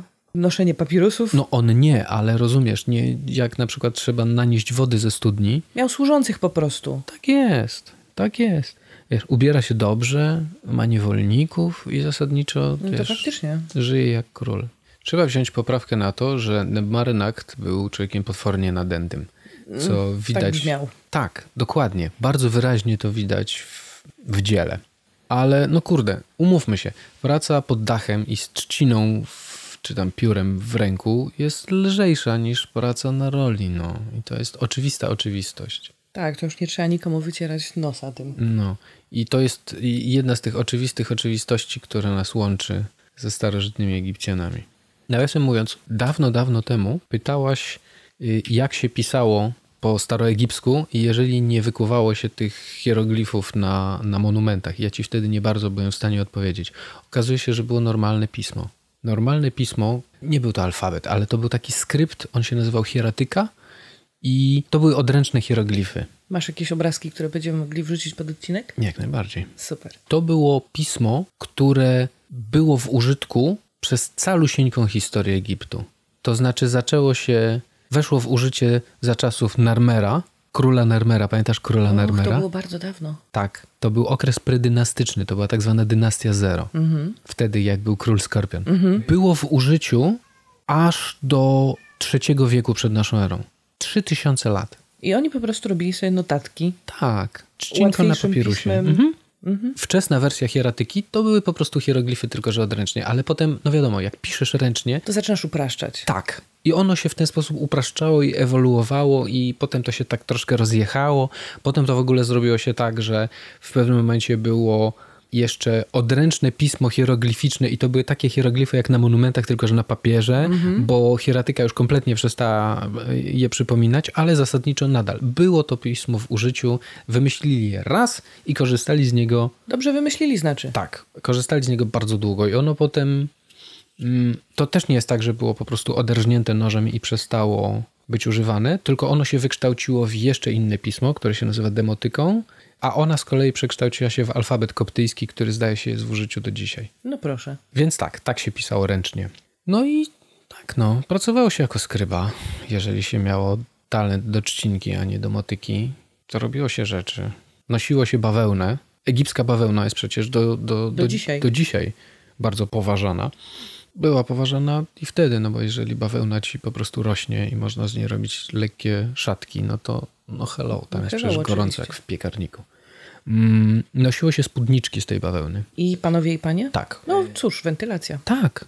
Moda się zmieniała. E, Za czasów Starego Królestwa kobiety nosiły takie spódnice, które sięgały do e, pod piersiami. Piersi były odkryte. Mhm. I one potem leciały w dół, te spódnice? Tak. Kończyły się, z tego co zrozumiałem, tak chyba trochę pod kolanem, a potem jakby rozszerzyły się w obie strony, to znaczy weszły na piersi i zeszły trochę niżej do stóp. A panowie? A panowie nosili no takie kilty jakby. Mhm. Czasami się jeszcze nakładało koszulę na górę, jeżeli było chłodniej. Nie zasłaniali się od słońca jakoś wstrząsająco, Nie, nie zasłaniali się. Chodziło się boso, naśladując bóstwa, które nie potrzebują butów. żeby chodzić po gorącym piachu. Tak. A jak się wyjeżdżało gdzieś w trasę, to się człowiek bardziej zakrywał, żeby jednak piach z pustyni... Nie las mu wszędzie i, i wtedy nosiło się sandały, Mhm. jeżeli się ruszało dłuższą podróż. Kąpało się często, Mhm. ponieważ piach właził wszędzie. Używało się olejków, używało się kosmetyków. Znowu kol Mhm. był w, w użyciu. W Egipcie był na oczach, to znamy z wszystkich możliwych Tak, portretów. tak. Używało się, uważasz, miętówek, jeżeli ci waliło z paszczy. Jadło się miętówkę. Miętówki się wy, wynalazło właśnie w Egipcie. Co więcej, egipska kosmetologia była tak zaawansowana, Przyjeżdżało się z wszystko do Egiptu na kosmetykę, nie tylko na medycynę. więcej. Samo słowo chemia, ono pochodzi od y, staroegipskiej nazwy Egiptu, kemet. No proszę. Czytałam jeszcze o tym, że kąpiel w wodzie to jedna rzecz, ale było coś takiego, że nacierało się skórę olejkiem, a Mhm. potem się zdrapywało takimi drapaczkami. To jest wbrew pozorom Tak. niesamowicie czyszczące. Niektóre gabinety kosmetyczne chyba nadal to robią, że po prostu ściągają z ciebie całe to sywsko. Tak. Najpierw je natłuszczając, no bo tłuszcz rozpuszcza tłuszcz, a potem to ściągasz. Mhm. I z tego co pamiętam, ten tłuszczyk zebrany z faraonów czy królów Egiptu Mhm. był dość cenny i odkładało się go w specjalny słoiczek. Tak. I na przykład się faraonowi, jak już zmarł był, z tego tłuszczu, który się zebrało z faraona podczas całego jego życia, lepiło cegłę pod głowę. Będzie miał na później. Jakby potrzebował. nie, nie wiem. Nie wiem. Fu. No ale tak. Używało się no, mnóstwa kosmetyków, dlatego że, no tak jak sama powiedziałaś, nie zakrywali się od góry, no ale jakoś tą skórę trzeba chronić. Oczywiście. No i po to były te różne smarowidła. Te glinki, którymi się Tak. obkładało, one trochę chłodzą też. Tak. I te wszystkie kosmetyki odganiały owady, pomagały na słońce, pomagały na. No, mówiłem o kolu. I goliło się głowy. Ponieważ, no, wszy, no a poza tym, kurde, no w gorącym klimacie, no, no, No ileż możesz mieć włosów na sobie, żeby No ci było właśnie. jeszcze cieplej? no właśnie, ile można. Nosiło się peruki zatem. Tak, czasami nosiło się peruki. Na specjalne wydarzenia. Tak. Także jest, y, mam lineczka, którego będziemy mogli dać pod audycją na ten temat, Mhm. ponieważ znalazłem znakomite źródło i teraz mnie ciśnie, żeby się nim dzielić. Tylko porządkowo przypomnę, że wszystkie te linki i komentarze pod odcinkiem są na stronie nerdynocą.pl. Mówię o tym dlatego, że bardzo dużo ludzi słucha nas na YouTubie i nie wiedzą, że można kliknąć i wejść w opis odcinka, No który jest w opisie pod filmem i dowiedzieć się jeszcze więcej. Co się jeszcze robiło? No na, nie pracowało się przez cały czas, ponieważ ile można pracować? Jakby no, był czas na rozrywki. Oprócz grania w, w seneta znowu Mhm. albo w kości, pływało się W Nilu? w Nilu. Rzeka jest... Święta rzeka. Tak jest. Czemu nie I- korzystać? Tak jest. I w dodatku jest blisko, no bo Egipt jest długi i wąski, ponieważ jest wzdłuż Nilu, no więc daleko nie masz. Wszyscy pływali w Egipcie. Po prostu Tak. zrzucałeś gadki, wchodziłeś do wody. Tak. Co jeszcze się robiło oprócz pływania? Grało się w coś w rodzaju hokeja. Jak to? Znaczy nie na lodzie, tylko wiesz, miałaś taki no kij i jakąś rzecz tym kijem ganiałaś po trawie czy po ubitej ziemi. Przeciągało się linę, Mm. ścigało się łódkami po rzece. O, to fajne. E, Robiło się jeszcze jedną fajną rzecz, mianowicie robiło się takie jakby pojedynki na łódkach. Miałaś łódkę, w której siedziało dwóch kolesi i jeden wiosłował, A drugi? a drugi miał taki długi kij, którym próbował kolesia z kijem z drugiej łódki Strącić? wrzucić do wody, dokładnie. Fantastyczne. No brzmi to super. Jak przegrywasz, to wygrywasz. Jesteś w wodzie. No, W upale. tak, tak. Podoba mi się ta gra. No, pływało się łódką przez ten, przez e, rwący nurt w rzece. Przez te takie, wiesz, nie przez wodospady, tylko te Takie takie... wyczynowe... Tak. Mhm. To się robiło też w dwie osoby. Jeden wiosłował, a drugi wylewał wodę z łódki. No jak się było możnowładcą, to się polowało także. Na zwierzęta? No tak, tak, tak, na zwierzęta. Wolę na się upewnić. No może słusznie, ale tak, na zwierzęta się polowało.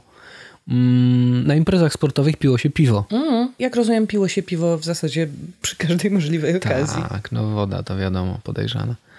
Mm, Świętowało się festiwale z okazji bóstw, a bóstw, jak wiadomo, Mnóstwo. było parę w Egipcie. Co jeszcze? O, na przykład y, doczytałem, że jeśli chodzi o prawo, jeżeli na przykład coś przeskrobałaś, to prawo było tak jakby zepchnięte na bardzo lokalny szczebel. To znaczy osądzała cię twoja wioska. Słusznie. Tak. Znaczy w, optymalnej sytuacji słusznie, bo jak na przykład wszystkim podpadłeś z przyczyn pozamerytorycznych, to trochę miałeś przez...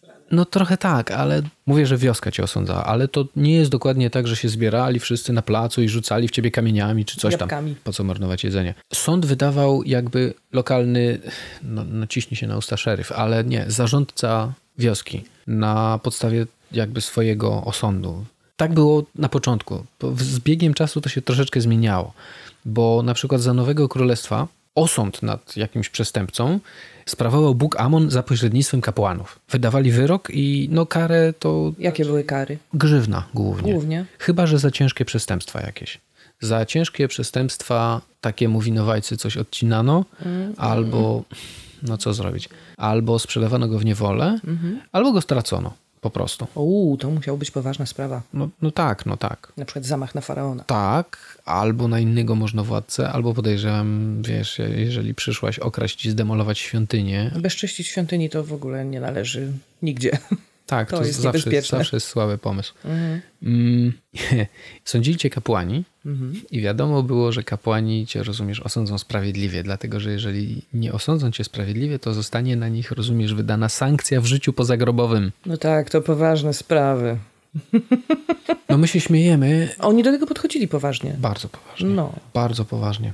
Oni w ogóle do życia pozagrobowego i do śmierci jako takiej podchodzili bardzo serio, ale nie dlatego, że oni nie byli ponurym ludem. Oni nie byli skoncentrowani, wiesz, oni, oni nie byli cywilizacją śmierci. Tylko, no wiesz, to było przejście. To było przejście z jednego świata w drugi. Tak. Ten drugi wyglądał mocno jak ten pierwszy, ale to nie dlatego, że coś z nim było nie tak, wręcz przeciwnie. Ten tutaj nasz świat doczesny, tak jak żeśmy mówili, jest na tyle znakomity, że po śmierci, jeżeli byłaś dobrą osobą, będziesz miała więcej tego samego. Super. No brzmi nieźle. Jak sobie pościelesz, tak się wyśpisz. Tak. No i po śmierci, wiadomo, byłaś myta, zawijana w bandaże. W różnych okresach dokonywano różnych dodatkowych czynności, w sensie na przykład wyciągano z ciebie te... Wnętrzności. Tak, wnętrzności składano w słoikach obok. Poskładaj się sam. Tak. Życie pozagrobowe w Ikei. Instrukcja do góry nogami. Jeżeli nie kumasz instrukcji, zadzwoń do Boga Amona, który ci wszystko wytłumaczy.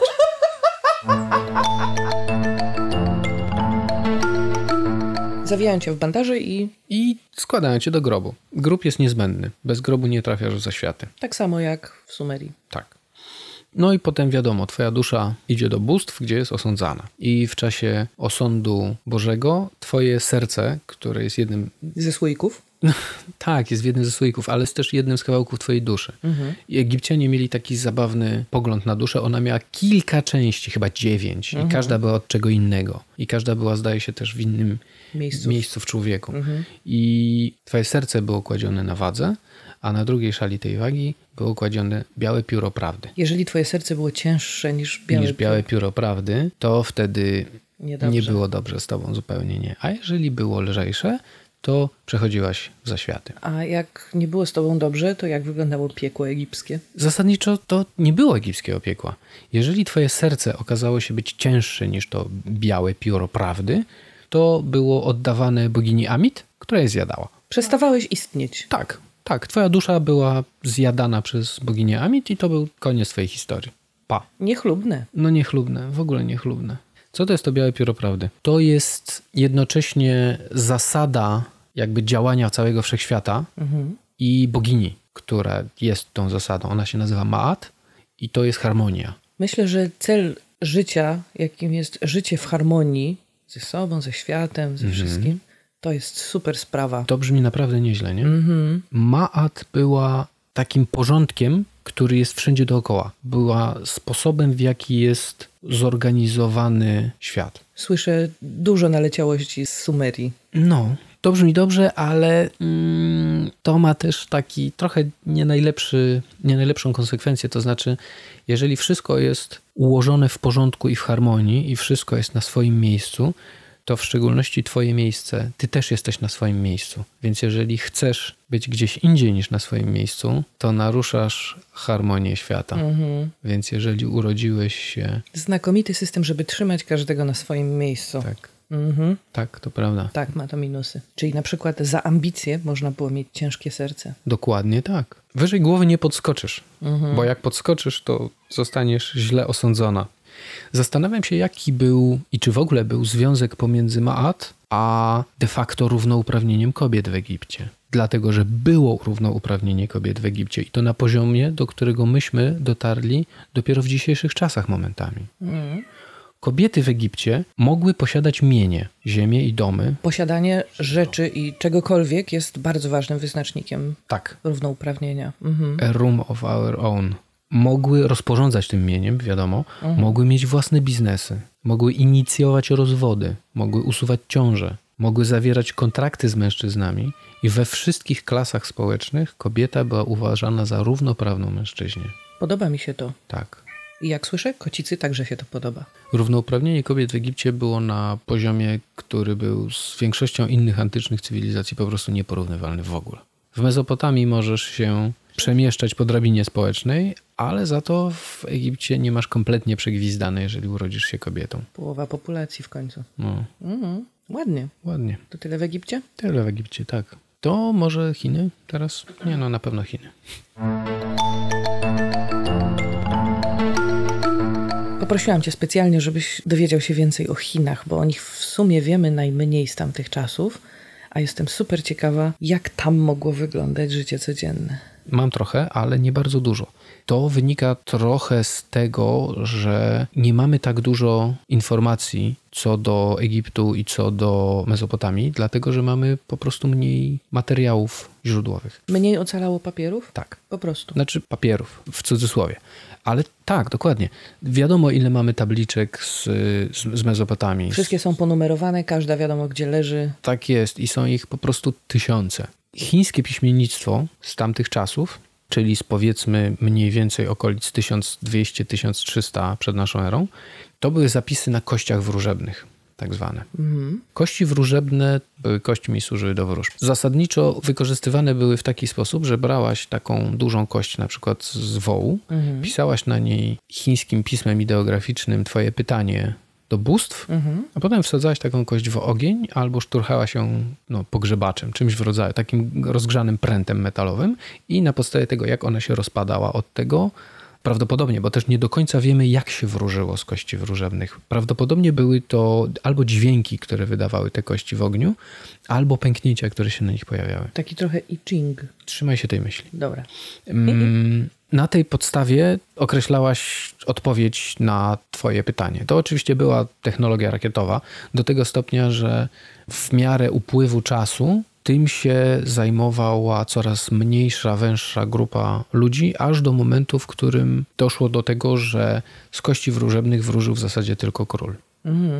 I to powoduje, że można by się spodziewać, że im dawniejsze czasy, tym będziemy mieli mniej materiałów.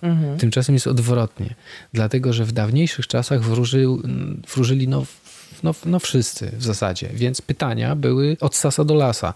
Czy pojadę na ślub mojej rodziny, czy nie pojadę, czy będzie wojna, czy nie będzie wojny. No to akurat to jest takie pytanie królewskie bardzo, ale czy nie wiem, czy moja krowa przeżyje tą zimę, czy nie, whatever, nie? Jak wróżą wszyscy, to na podstawie tych pytań możemy wiele wykoncypować, ale jak krąg osób zajmujących się wróżbiarstwem maleje i jak pytania robią się coraz bardziej Królewskie. królewskie, to Notabene co do tych zapisów na kościach wróżebnych, to jest ciekawa sytuacja z nim, dlatego że nie mamy czegoś takiego jak w Sumerze, że mamy protopismo klinowe i normalne pismo klinowe. Pierwsze zapisy, które mamy na kościach wróżebnych, one są zaskakująco czytelne dla współczesnego człowieka posługującego się chińskim. Dlatego, że to są ideogramy, które odbiegają, no bo wiadomo, ale nie porażająco bardzo od tego, co mamy dzisiaj. I zapisywane są te teksty gramatyką, która leżała obok współczesnej chińskiej gramatyki. Co szalenie ułatwia odcyfrowywanie. Tak. Szalenie. Tak, jest to zaskakująco czytelne i zaskakująco dostępne. No kurczę, wystarczy porównać dzisiejsze pismo, jakiekolwiek, z, z, z pismem klinowym. No tak. A przy tym oznacza to, że z zapisami na kościach wróżebnych wchodzimy w pismo, które już ma za sobą jakąś ewolucję. Tylko, że nie mamy jej. Nie mamy jej, bo akurat to nie ocalało. Tak by wychodziło. Albo wiesz, może są gdzieś jeszcze jakieś zapisy, których po prostu nie wykopaliśmy. Mhm. No Chiny nie są, nie są łatwe do badania w dzisiejszych czasach. Tak, Nie czarujmy się. A wcześniej... też nie były. No dobra, a co wiemy? Tamten okres to jest dynastia Shang i ona się zaczęła mniej więcej 1600 przed naszą erą i trwała do mniej więcej 1046, czyli jeszcze trochę. Wchodzimy tak trochę w połowie. To jest pierwsza y, chińska dynastia, na którą mamy jednoznaczną archeologię. Pierwsza na 100% wiadomo, że nie jest mityczna, bo przedtem była ta taka dynastia, w której był, wiesz, szuty cesarz. Mówiliśmy, że taki był półmityczny, rządził mniej więcej w tych samych czasach co faraon Djoser, ale po faraonie Djoserze mamy piramidy, a po żółtym cesarzu mamy tylko podania. Chiny dynastii Shang to jest też taka cywilizacja, która mieszka w okolicach rzeki. Tylko, że to jest żółta rzeka. I ona też wylewa. Rolnictwo nie działa w rytm rzeki, tylko jest bardzo skuteczne, dlatego że brzegi żółtej rzeki to jest potwornie żyzna gleba. To jest les. Nie wiem, czy pamiętasz Pamiętam z geografię. geografii, z podstawówki. No więc właśnie. Tak naprawdę wszędzie tam, gdzie był les, a to było mnóstwo terenu, to tam jest dynastia Shang. Chiny tamtych czasów rozwijały się w e, takiej trochę izolacji. Nie do końca, ale trochę. Przede wszystkim mieli wszędzie daleko. Mieli wszędzie daleko, tak. W okolicy, owszem, mieszkały inne ludy, ale oni nie byli zaawansowanymi cywilizacjami. Więc owszem, można było z nimi handlować, można było im spuścić łomot, ale uczyć się od nich trochę nie było czego. Co do handlu chińskiego, już wtedy mieli duże kontakty i mieli daleko sięgające szlaki handlowe, dlatego że w tamtejszych czasach bardzo powszechne były mm, muszle takich zwierzątek, które się nazywają porcelanki.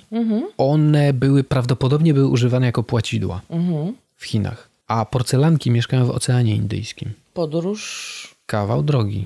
To jest kawał drogi. Z uwagi na tą swoją geograficzną izolację i z uwagi na niespecjalnie rozwiniętych sąsiadów, oni wykształcili sobie takie podejście, że oni są środkiem świata. Tak, przed chwilą powiedziałam, że oni mają wszędzie daleko, a oni tak naprawdę są pępkiem świata i to my mamy do nich daleko. Trochę tak. Okej. Takim już zostało. No wiesz, z Mezopotamii tak naprawdę do starożytnego Egiptu nie było bardzo daleko. Nie było daleko. Nie Można było. było. się wybrać w tę podróż bez Tak. problemu. Więc miałaś świadomość, będąc człowiekiem wykształconym albo królem, miałaś świadomość tego, że kawałek stąd jest zupełnie inna, wysoko rozwinięta cywilizacja. Mówią w- zupełnie innym językiem, ale mają wszystko to, czego można by się spodziewać po cywilizacji. Mają monumentalne budowle. Kurde, mają najbardziej monumentalne budowle ever. Mają piramidy. No kurde, no. Możesz ich nie cierpieć, możesz ich nie szanować, możesz ich próbować podbić, ale są równorzędni. Można też z nimi handlować i można Tak, coś tam z oczywiście. tym językiem poradzić i Oczywiście, że tak. nawiązać jakieś współpracę. Wymiana handlowa była. Tak, niewątpliwa. A Chiny nie, nie miały nikogo takiego pod ręką. Jeśli chodzi o strukturę społeczną, to na samej górze, wiadomo, Cesarz. tak, jest król, jest cesarz. I król włada dlatego, że ma mandat niebios. Okej. Od samego najwyższego bóstwa jest zezwolenie na to, żeby król i żeby jego ewentualnie następcy władali Tym kraju. tak jest. I jak król utraci mandat niebios, to wtedy przychodzi taka sytuacja, że on i jego cała dynastia zostaje zastąpiony przez kogo innego. A po czym poznajemy, że król utracił mandat niebios? po tym, że rządzi jak ostatnia faja Mhm. i daje się obalić. No, dał się obalić, no daj spokój. Tak, rozumowanie kołowe. Chińczycy w tamtych czasach już wymyślili sobie, powiedziałbym, coś w rodzaju feudalizmu. Mianowicie arystokrata dostawał we władanie kawałek ziemi, jakiś tam, większy albo mniejszy, z ludźmi, z całą infrastrukturą, ze wszystkim, co chcesz. I w zamian za to miał obowiązki. To znaczy, w szczególności jednym z jego obowiązków było dostarczanie królowi zbrojnych. Co do tych zbrojnych, to jakby wojsko było zaraz poniżej arystokratów, jeśli chodzi o Pozycję pozycję społeczną. społeczną. Tak jest.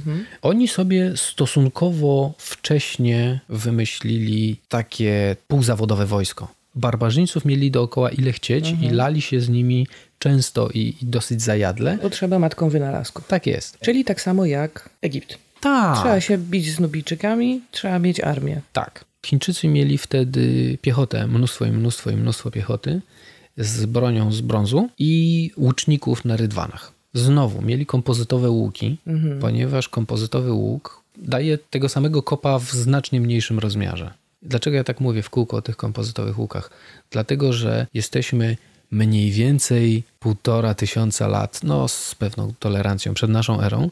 Jest to kolejna cywilizacja, która wpadła już na pomysł kompozytowych łuków i używa ich ze smakiem, a osławione angielskie długie łuki, o których wszyscy się w czasach średniowiecznych są pełni ekscytacji, to nadal jest łuk z drewna. Aha. To nie jest żaden kompozyt, to jest po prostu drewno. Like, nie mają tej technologii. Poniżej wojska jest taka powiedzmy klasa średnia. I to są ci, których można by się spodziewać, czyli tam kupcy i rzemieślnicy, ale także biurokracja. To, że masz samą taką warstwę biurokratów ogarniaczy jest pewną nowością, a także nowością jest to, że można do takiej warstwy jakby awansować. Jest ścieżka awansu do niej. To znaczy, żeby zostać biurokratą, musisz, no wiadomo, być piśmienny i musisz zdać imperialny egzamin. O, egzamin. Tak, jest egzamin. I no, ten egzamin jest ciężki w ciul, ponieważ należy znać praktycznie na pamięć. To jest tak, że e, trzeba znać pięć dzieł klasycznych i cztery księgi. I to są, wiadomo, że to jest pięć konkretnych dzieł i jeszcze na dodatek cztery konkretne księgi. I dlaczego mówię praktycznie na pamięć? Dlatego, że potem idziesz przed, wiesz, szanowne gremium i szanowne gremium zadaje ci podchwytliwe pytania. I zdajesz albo oblewasz, nie? No i teoria jest taka, że każdy może Wziąć udział w tym konkursie, wziąć udział w tym ale nie konkursie. każdy się może do tego konkursu nauczyć. Bingo. No, No bo gdzie, jak, skąd? Gdzie chłop? skąd ma wziąć wszystkie te tomy i je wykuć na pamięć kiedy? Tak, Kiedy praca, umówmy się, przy robieniu ryżu jest makabrycznie ciężka. tak jest. Wszystko to. Ale teoria w porządku. Tak. Częścią tej klasy średniej byli, jak powiedziałem, rzemieślnicy, w szczególności rzemieślnicy pracujący w brązie. W Chinach wtedy i później zresztą też robiło się mnóstwo, mnóstwo, mnóstwo przedmiotów z brązu. Czy są te przedmioty, jak poszukamy w Google Images? Tak, Super. e, trzeba szukać po chiński brąz rytualny. Dlatego, że to były przedmioty nie tylko, wiadomo, praktyczne, te różne, wiadomo, sztylety, topory czy, czy cokolwieki, ale to były, wiesz, misy z brązu, czy takie... Takie zdobione? Tak, takie wielkie kotły z brązu. Oni tego robili absurdalne ilości. Robili tego tyle, że, o ile dobrze zrozumiałem, trzeba było wymyślić organizację i biurokrację, żeby ogarnąć wszystkie rzeczy związane z, z wytopem i przeróbką brązu. Ma to sens. Wytwarzanie przedmiotów rytualnych z brązu było, rozumiesz, motorem. Robienie rzeczy z brązu było całym przemysłem. Z księgowością, z Tak. logistyką. Tak, tak i nawet bardziej. Odniosłem takie wrażenie, że y, organizacja tego właśnie przemysłu brązownictwa rytualnego, że nie, nieomalże państwo powstało dookoła tego. Aż tak. Brązy rytualne są, tak jak zrozumiałem, powodem, dla którego brąz jako materiał w Chinach nie wyszedł z użycia bardzo, bardzo długo. To znaczy aż do 250 roku przed naszą erą.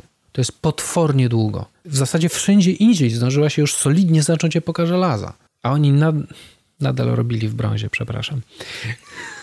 Ale tak, potwornie ważne to było dla nich. Mm, No i poniżej tych wszystkich ludków byli chłopi. Chłopi mieli bardzo kiepsko. Bardzo kiepsko mieli w Chinach chłopi.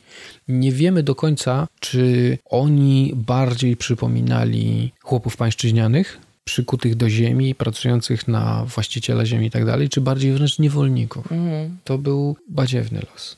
Twoje miejsce w tym społeczeństwie brało się z urodzenia. Po prostu. Po prostu. Jeżeli się urodziłaś chłopem, zapewne umarłaś także chłopem. Mhm. No, modulo te imperialne egzaminy, ale Tak, dokładnie te przygotuj się, zastrzeżenia. tak. tak jest. I edukacja niestety była dostępna wyłącznie dla mężczyzn. Mhm. Miejsce kobiety było w domu, w kuchni. Albo w polu. Albo w polu, tak. Nic fajnego, żadne z tych opcji. Nic fajnego. Chiny nie, nie uderzały mnie jako fajne. A zaraz będą... Wtedy? Tak, wtedy. A zaraz będą także ciebie uderzać jako jeszcze mniej fajne. Okej. Co do takiego trochę życia codziennego, to przede wszystkim wierzyło się w przodków i to bardzo wpływało na różne dziedziny życia. Na przykład nosiło się długie włosy, dlatego że włosy były darem od przodków, Mhm. więc nie ścinamy włosów. A im masz dłuższe, tym jesteś starszy, więc trzeba cię szanować. Zapewne tak. Mhm. No wiadomo, te włosy się tam różnie układało w zależności od dostatności klasy społecznej. To zrozumiałe. Oprócz tego darem przodków było też twoje ciało, więc dbało Trzeba się. było o to dbać. Tak to jest. akurat dobry pomysł. Tak. Na przykład dlatego, że ciało było darem od przodków, nie tatuowało się, Mhm. ponieważ To by było naruszenie świętego ciała od przodka. No tak. No wiadomo, nie niszczysz go, dbasz o nie i tak dalej. Używasz perfum, ponieważ no, śmierdzą przestępcy i barbarzyńcy. A z drugiej strony codzienna kąpiel jest niezdrowa. Jak to? Nie wiem czemu. Chińczycy uważali, że codziennie się kąpać jest niezdrowo, no więc niestety, ale perfumy były Perfumy zamiast. Tak. Mhm. Trochę taki dwór francuski w pewnym momencie. Myślę, że nie aż tak przegięty, ale możesz być na dobrym tropie. Mam nadzieję, że dojdziemy do tego, bo lubię historię o braku higieny Ja też, na tych dworach wtedy też bardzo lubię barokowych. i też mam nadzieję. Mhm. Nosi się rzeczy z konopi. Niecodzienny materiał, ale to z uwagi na Na to, że tam łatwo było konopie. Tam po prostu Uprawiać. rosły konopie, tak. Mm, tuniki się nosi długie, jeżeli się jest kobietą, albo krótkie ze spodniami, jeżeli się jest facetem. Mhm. I jeżeli się jest dzieckiem z kolei, to nosi się ubranko, na którym mama, rozumiesz, wyszywa ci tygrysy, albo węże, albo inne ropuchy, żeby odganiać złe duchy. Oczywiście. Czego się nie nosi, chyba że jesteś królem albo, albo arystokracją, to jedwab.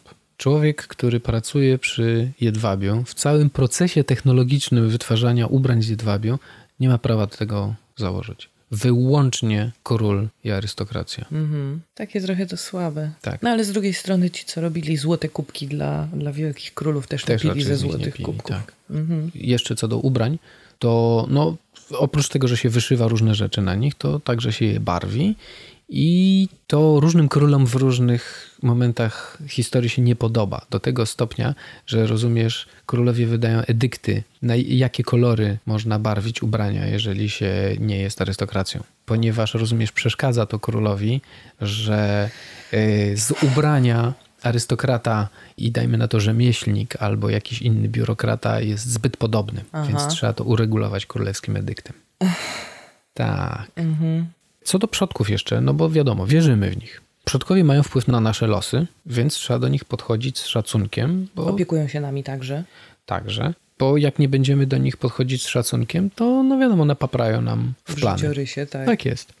Przy pomocy różnych rytuałów można ich na przykład pytać o to, jak nasze plany się powiodą. Mhm. Stąd kości wróżebne. I wróżenie było potwornie poważną sprawą. Samo podejście do tego wróżenia było bardzo biurokratyczne. Podchodzili do tego bardzo precyzyjnie. To znaczy, na kości się pisało datę, pisało się, jaki rytuał został użyty, kto zadał pytanie. Listy w zaświaty. Tak. Praktycznie biurokracja. Tak. I wiesz, jakiemu przodkowi, jakie pytanie. Żeby jakiś inny nie przeczytał. Tak, jaka była wróżba, wiesz, Mhm, wszystko porządeczek wszędzie. Tylko, że no tak, potem to wysycha, dokładnie tak jak powiedziałem. Nie mamy dobrych śladów. No nie bardzo. Jak tylko król zaczyna wróżyć, no to co nam po jego pytaniach tak naprawdę? On zadaje pytania wyłącznie o sprawy państwowe i wyłącznie skierowane jakby w, pod jednym adresem. No to Trochę szkoda, że ten zwyczaj zanikł, bo Tak. fajny. Ja mam paru przodków, którym chętnie bym zadała Zadałaś różne pytanie? pytania. Naprawdę, przez ostatnie dwa miesiące miałam ochotę wysłać do mamy maila, żeby mi powiedziała, jakim kodem odblokować jej telefon. no tak, tak, trochę było z tym zabawy. No, ale tak, przodkowie. Szacunek wobec jakby duchów przodków i wobec duchów w ogóle był już wtedy w Chinach bardzo ważny i jest do tej pory. Mhm. No bo obchodzi się przecież w Chinach nadal w kwietniu bodaj Dzień Zamiatania Grobów, Mhm. kiedy się dba w sposób bardzo konkretny i, i skodyfikowany o to, żeby o, no, no groby, no. My też mamy wszystkich świętych. No mamy, to prawda. Tylko, że wiesz, nasza tradycja jest zdecydowanie młodsza niż ich tradycja, dlatego, że mówimy, przypominam, około 1500 przed naszą erą. I po śmierci jakby dołączało się do, Przodków. do przodków i do duchów. Z tym, że religia, z tego co zrozumiałem, była taka jakby dwuczęściowa. Szczególnie w e, późnej dynastii Shang. To znaczy, na co dzień właśnie była taka wiara w, w przodków, takie animistyczne wierzenia, że wiesz, we wszystko ma swojego ducha i wszystko jest w jakiś tam sposób ożywione, ale warstwy wyższe, i w szczególności arystokracja i król, wyznawały religię monoteistyczną. I kto był tym Bogiem? Bóg nazywał się Shang-Ti i on był najwyższym władcą. I to on był absolutnym bóstwem, władcą wszystkiego, szefem wszechświata. Okej, czyli jak jesteś na górze drabiny społecznej, to wyznajesz sobie tego Boga, a Mhm. jak jesteś niżej, to wyznajesz sobie przodków. Tak. I te wszystkie duchy, no bo jednak jak Okolice. dziecku tygrysa, to ten duch narysowanego tygrysa będzie chronił dziecko przed, Przed innymi, innymi, duchami. złymi duchami. Mhm, Okej. I ten świat duchów i świat tych przodków jest stosunkowo łatwo dostępny. Wystarczy umrzeć. Haha. Tak, swoją drogą, ale dopóki nie umrzesz, To możesz wysyłać listy. tak, wiesz, festiwale oddaje się im cześć, wypuszcza się Te latające Nie, te... nie, to jeszcze nie. Jeszcze, Jeszcze nie. nie. Jeszcze ich nie wypuszczałem, bo jeszcze nie mamy papieru. Wiesz, zostawia się ofiary z, ryżu Mhm. i, i, i takie rzeczy. Jeszcze nie ma pieniędzy, ale potem będziemy zostawiali pieniądze. Mhm. O tyle jakby dostęp do tego najwyższego bóstwa nie ma go kompletnie. Jeżeli chcesz poznać wolę tego bóstwa, to jedyny sposób to są te wróżby wykonywane przez króla. Tylko. Okej. I co więcej, w ramach wierzeń składa się ofiary z ludzi. Aha, I są zasadniczo dwa rodzaje ofiar z ludzi. aha. I to jest y, ofiara grzebalna, Serio? tak. Mhm. I taka zupełnie serio, ona się nazywa Renji. I to się dosłownie przekłada jako ofiara z ludzi. I ofiara grzebalna polega na tym, że jak król umiera, to jego, rozumiesz, niewolnicza służba zgłasza się na ochotnika, żeby zostać pogrzebana żywcem razem z nim. Fantastyczna kariera. Tak, jest super. A ofiara z ludzi jest składana na przykład w czasach głodu. Jak najwyższe bóstwo jest y, rozgniewane i zasadniczo nie, nie ma podoba jedzenia, się tak? i nie ma jedzenia, to wtedy trzeba ściąć trochę ludzi, żeby bóstwo przebłagać. Zaskakująco praktyczne rozwiązanie. Tak. Coś okropnego. Największa ofiara tego typu została przeprowadzona przez króla, który się nazywał Wu Ting. Sprawdziłem tony. Mhm. I panował z tego, co przeczytałem w latach mniej więcej 1250 do 1190 Mhm. i on ściął 9000 ludzi. To musiał być duży głód. Za jednym zamachem. W sensie nie, że jednym cięciem, ale przy jednej ofierze złożył 9000 ludzi. Czyli drugie 9 tysięcy ludzi zabiło pierwsze 9 tysięcy ludzi. Taka ofiara. I co, skuteczna? Nie doczytałem. Też bym już dalej nie czytała. No, No okropne mieli zwyczaje. okropne. Karygodne. Okropne zwyczaje. Ci kolesie, których ścinałeś w ramach tej ofiary, to byli zazwyczaj jeńcy wojenni, Czyli ci barbarzyńcy. ci barbarzyńcy. No ale kurde, No nieludzkie, no. Jaka to różnica? No żadna, człowiek jest człowiek. No, Ale jak się tam mieszka i jest się tym królem, który ma bezpośrednią łączność z jedynym największym bóstwem, tak. Głód w kraju, zetnijmy kilkuset jeńców, na pewno to pomoże. Mhm. Na pewno nie trzeba będzie ich karmić, tylko ubieramy to w rytuał religijny. No tak, czyli nie polecasz Nie e, polecam. życia w Chinach Nie w polecam epoce w brązu. Mhm. Chinach. Nie, zupełnie nie polecam. Nie wiem, czy polecam też życie w e, epoce brązu w Europie. No właśnie, jak jest w Europie? Bo my nie mamy zasadniczo jakichś takich wstrząsających cywilizacji, ale mamy sporo kultur i one są super Tak. ciekawe. W tych czasach, w okolicach 1200 przed naszą erą, mamy rozciągającą się w zasadzie na większość Europy taką kulturę, ona się nazywa kultura pól popielnicowych. Mhm. Nazywa się w ten sposób od sposobów, w jaki chowali swoich umarłych. Kremowali ich, palili ich na stosie, Mhm. a potem popiół wsypywali do urny, a urnę zakopywali na y, cmentarzysku, na takim polu. Bardzo charakterystyczny sposób grzebania zmarłych. Tak. Mhm. Powstałe w ten sposób cmentarzyska były rozległe i często bardzo stare. W sensie wykorzystywane przez y, kilkaset lat nawet. Mhm. kultura pól popielnicowych, ona się rozciągała, ona była naprawdę rozległa. To znaczy od północnych Włoch albo, nie wiem, Katalonii, aż po Pomorze i Białoruś. Mm, u nas. Tak, ona miała oczywiście ta kultura swoje lokalne odłamy, Odmiany. odmiany. Tak, nie odłamy, odmiany, dokładnie tak jak powiedziałaś. I naszą lokalną odmianą była kultura łużycka. Przykładem takiej późnej, ale jednak kultury łużyckiej jest nasz biskupin. No proszę, ale to później, to nie, nie są te lata. Tak, tak, tak. To jest później, bo biskupin to jest y, 730 coś przed naszą erą, czyli jeszcze ładnych kilkaset lat, ale nadal to jeszcze są ci kolesie. Schyłek już, ale jeszcze oni. Wszystko, co wiemy o tych różnych odmianach kultury pól popielnicowych, to jest ich kultura materialna, ponieważ oni nie mieli żadnego pisma. Ale zostały po nich przedmioty. Tak, zostało po nich mnóstwo przedmiotów. Mhm. No zostały po nich wszystkie te rzeczy, na podstawie których mamy te wszystkie, wiesz, skansenowe rzeczy. Mhm. Mam, zostały po nich pługi, zostały po nich narzędzia, zostały po nich... Obiekty użytku domowego. Tak, Mhm. tak, wszystko. Czyli możemy całkiem dobrze odtworzyć ich życie codzienne. Owszem. Czego nie wiemy o nich, to nie wiemy, jakimi mówili językami. No bo nie ma pisma. Nie ma śladów języka w ogóle. Tak. W mowie wiadomo dlaczego nie został, ale jak nie został w piśmie, to jesteśmy faktycznie w torbie. Nie mamy żadnej szansy, żeby sobie cokolwiek odtworzyć. Mhm. Owszem. Chyba, że są jakieś opowieści z, z okolicznych innych miejsc, ale nie ma. Nic nie ma. Nic nie zostało. Oni byli w pewnym momencie na takim etapie rozwoju, że zaczynali się zbliżać do idei pisma. Z dokładnie tego samego powodu, co starożytni Sumerowie. To znaczy potrzebowali sobie na czymś robić notatki, bo oni handlowali. To była taka kultura, którą zapewne byśmy uznali za prymitywną dosyć. No wiesz, nawet porównując z cywilizacjami Sumeru czy Egiptu, oni nie są porażająco rozwinięci. Ale oni handlowali jak wściekli. Dlatego, że oni mieli te swoje brązowe narzędzia, ale cały metal, z którego te, te narzędzia wykonywali, był skądinąd. Skąd? Na przykład z Wysp Brytyjskich. Któraś z lokalnych odmian kultury pól popielnicowych, nie pamiętam już która w tej chwili, zostawiła po sobie takie tabliczki z wzorami. Wiemy, co jest w tych wzorach zapisane? Nie wiemy. I one przy tym nie sprawiają wrażenia ozdóbek Aha. i nie sprawiają wrażenia jakichś obiektów kultu. Czyli to są informacje prawdopodobnie. Tak. Prawdopodobnie to są informacje i podejrzewa się, że to są właśnie informacje handlowe. Rachuneczki? Tak, prawdopodobnie tak. No ale znowu, nie wiemy. Domyślamy się tylko. Nie wiemy nie tylko, jakimi mówili językami, ale nie wiemy też, jakie to były ludy, kim oni byli etnicznie. I co więcej, jest mnóstwo kontrowersji w tej sprawie, dlatego że w przypadku na przykład kultury łużyckiej, która mieszkała na ziemiach polskich, Co rozumiemy przez ziemie polskie? Współczesna Polska, no i tam jeszcze Wołyń i, i, i, tak dalej, ale Te rejony, co tak, jak powiesz współczesna Polska, to się wiele nie pomylisz. To ustalenie, kto to był etnicznie, to jest kwestia polityczna. wyłącznie No nie wyłącznie, ale ona była, były duże, no polityczne naciski nie do końca, ale były, rozumiesz, motywacje polityczne, które wpływały na te badania. Naukowcy badający pozostałości po kulturze łużyckiej byli poddawani naciskom, żeby orzec. Że to byli prasłowianie. Aha, Dlatego, że jeżeli to byli prasłowianie, to znaczy, że na ziemiach, no szeroko to pojmując polskich, słowiańskie osadnictwo było ciągłe aż od hen, hen, hen, hen przed naszą erą do czasów historycznych.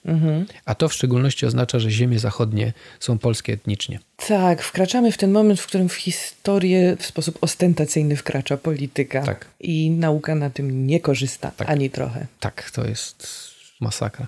Jeżeli pominąć te polityczne naciski i jeżeli spojrzeć tak troszkę szerzej, to znaczy z kultury łużyckiej na całą tą kulturę pól popielnicowych, to wydaje się, że to prawdopodobnie były jakieś ludy protoceltyckie.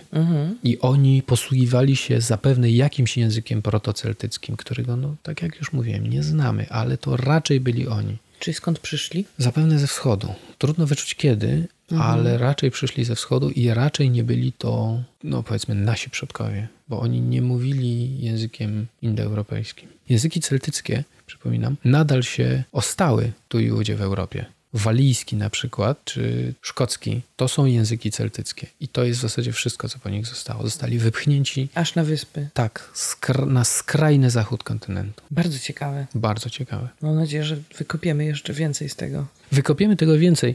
Mam wrażenie, że jakoś w 2000 którymś roku została znaleziona zupełnie, zupełnie nowa osada kultury unietyckiej, która była jeszcze wcześniejsza niż ta kultura pól popielnicowych i są w tej chwili prowadzone badania, więc Super. będzie więcej wiadomo tak. No dobra, ale jak się żyło wtedy? Zasadniczo najczęściej mieszkało się nad rzeką, albo nad jeziorem, albo nad jakąś tak, nad jakimś zbiornikiem wodnym. W Lepiance. Nie, nie w Lepiance. Wiesz, czytałam Kajka i Kokosza w dzieciństwie. I wiesz co, i Kajko i Kokosz byłby niezłym tropem, bo było mnóstwo i mnóstwo i mnóstwo lasów. Więc budowało się domy po prostu z drewna.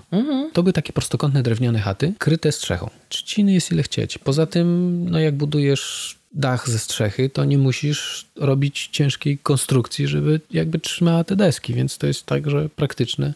Strzecha jest w naturalny sposób wodoodporna, więc to też no, no, no wygryw. Tak naprawdę środowisko naturalne dostarcza nam w zasadzie wszystkiego. Tak. Tutaj jest trochę jednak inaczej. Tutaj mamy tych drzew i jeziora i te wszystkie Mhm. pola, o które tamte cywilizacje po prostu musiały no, walczyć zębami i pazurami z rzeką. No. Tak, a tutaj to jest. No. Mieszkasz w pobliżu na przykład rzeki, więc to jest tak zwany teren nadzalewowy, Yeah. Więc jest dosyć żyzny. Więc możesz tam po prostu uprawiać swoje zboża, ponieważ tak, prawiało się normalnie zboża. Hodowała się zwierzątka oprócz tego. Mieszkało się, tak jak mówiłem, w chatach, ale te chaty składały się na osadę. Osada była otwarta, mm, nie była warowna. Nie było... Muru dookoła. Tak, I mogła się rozszerzać, rozszerzać. Tak. Jak się ktoś chciał zamieszkać, dołączyć, to po prostu budował sobie następną chatkę. Tak. Znaczy wiesz, no umocniej powiedzmy, bo do murów to jeszcze solidny kawałek, ale tak jak na przykład przypominamy sobie biskupin, to dookoła biskupina jest Ostroku, ale to jest późniejszy okres kultury łużyckiej, kiedy oni zaczęli, znaczy mieli już potrzebę budowania grodów, dlatego że pojawiły się po prostu zagrożenia, które od nich wymagały grodów. To znaczy pojawiły się inne ludy, które ich Chciały, tak, napaść. tak jest. Będziemy o tym zapewne mówić później, ponieważ, no dobra, nie będę uprzedzał wypadków, ale warto o tym będzie wspomnieć. Tak czy tak, w tych czasach, około tego powiedzmy, tak jak mówiłem, 1200 przed naszą erą, osady są otwarte. Nie są w żaden sposób bronione, więc najwyraźniej niespecjalnie było ich przed czym bronić. Przyroda była mm, wystarczającym wyzwaniem, żeby chcieć jeszcze włupić sąsiadowi. Jeśli chodzi o gospodarkę, to uprawia się ziemię i hoduje się różne zwierzątka. I robi się handel. Tak, i robi się handel często dalekiego, bardzo dalekiego Zasięgu. zasięgu. Prawdopodobnie orze się ziemię pługiem, który został zaprzężony w zwierzę. Woł. Pewnie w woła. Dokładnie nie wiadomo, dlatego że pługi, które się zachowały, pochodzą z czasów późniejszych, Mhm. to znaczy z epoki żelaza, ale no, Możemy trochę zgadywać, że Tak. po prostu starsze się rozpadły, bo były drewniane. drewniane z brązowym. Wkładem. Tak, mogły mieć brązowy wkład. Wkład z brązu. No niestety.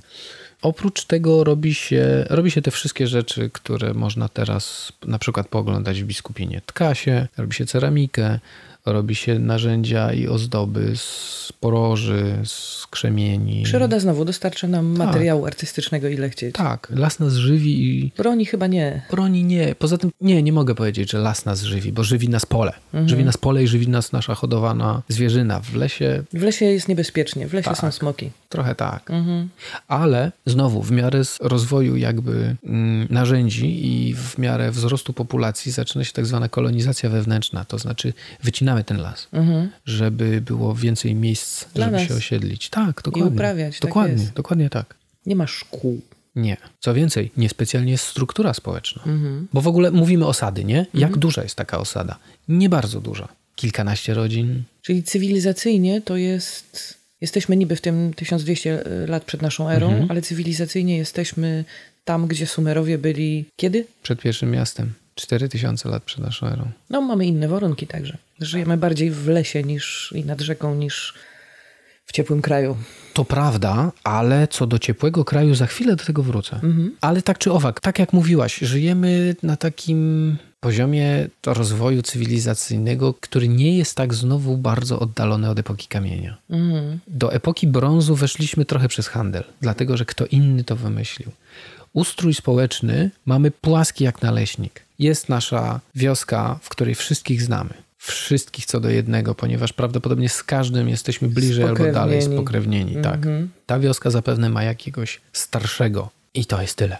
Mamy rytuały pogrzebowe, to wiadomo, no bo mamy pola popielnicowe, od których się wzięła nazwa całej kultury, ale nie wiadomo, czy mamy jakąkolwiek religię. Jak żyjemy w lesie, to musimy mieć Musimy mieć jakieś wierzenia, które dzisiaj nazwiemy pogańskimi, ale jednak wyznaje się respekt przed dużymi zwierzętami. O, to, to niewątpliwie, tak. Ale nie mamy na przykład kapłanów. Poznajemy to po tym, że mamy egalitarne groby. O, Czasami zdarza się jakiś taki, wiesz, bogatszy grób y, kogoś, kto, wiesz, no ma na przykład miecz. Pochowali go razem z mieczem. Bo miał. Bo miał. Domniemujemy, że to był właśnie jakiś starszy, no nie wiem, plemienia, ale starszy tego rodu, nie?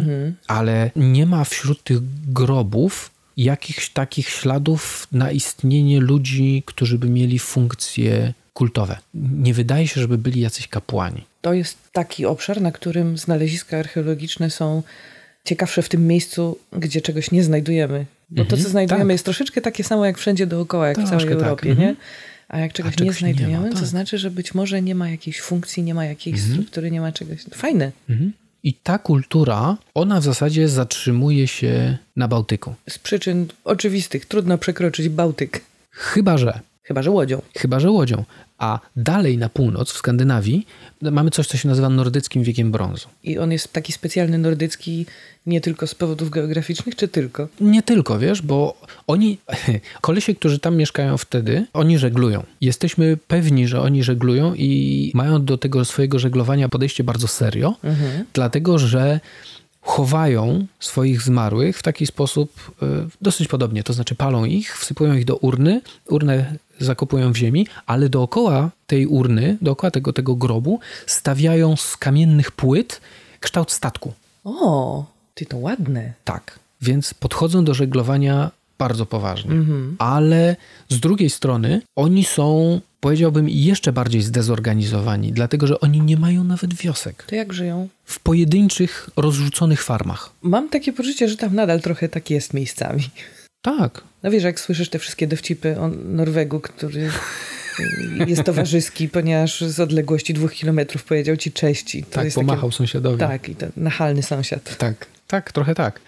Mm, Co tamtejsi, tamtejsze ludy co robią? No uprawiają ziemię. Z tym, że tutaj wracam, bo jak mówimy, że mieszkamy w lesie, tam wtedy w tej Skandynawii jest na tyle ciepło, że tam rosną winorośle. O, To jest inny, inny To nie klimat. jest zimny To kraj. nie jest zimny kraj. Tam jest taki klimat mniej więcej jak teraz w środkowych Niemczech. czyli łagodny. Tak, tam jest dość łagodnie. I tam tak zostanie jeszcze przez ładnych kilkaset lat. Aha. Dopiero w okolicach 600-700 roku przed naszą erą tam się pogorszy klimat, zrobi się zimniej i zrobi się mokrzej.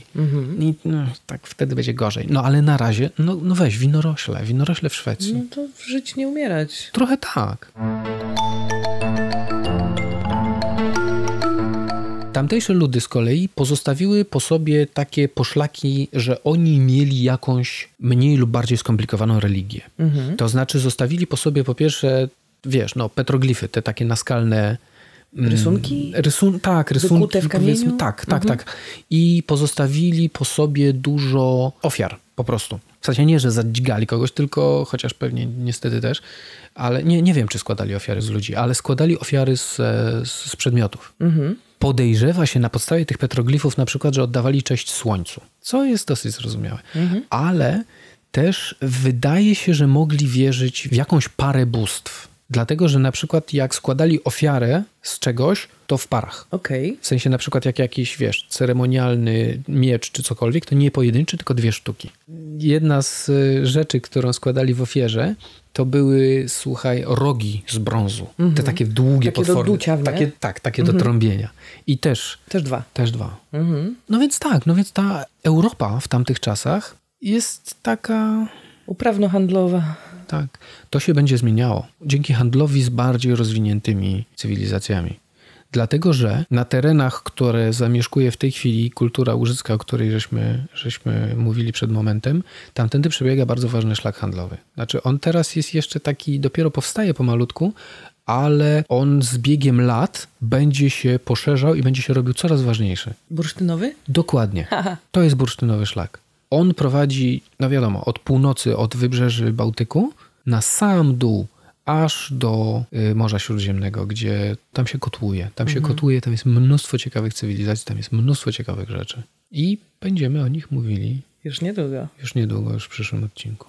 Czyli w przyszłym odcinku skończymy oficjalnie epokę brązu Tak.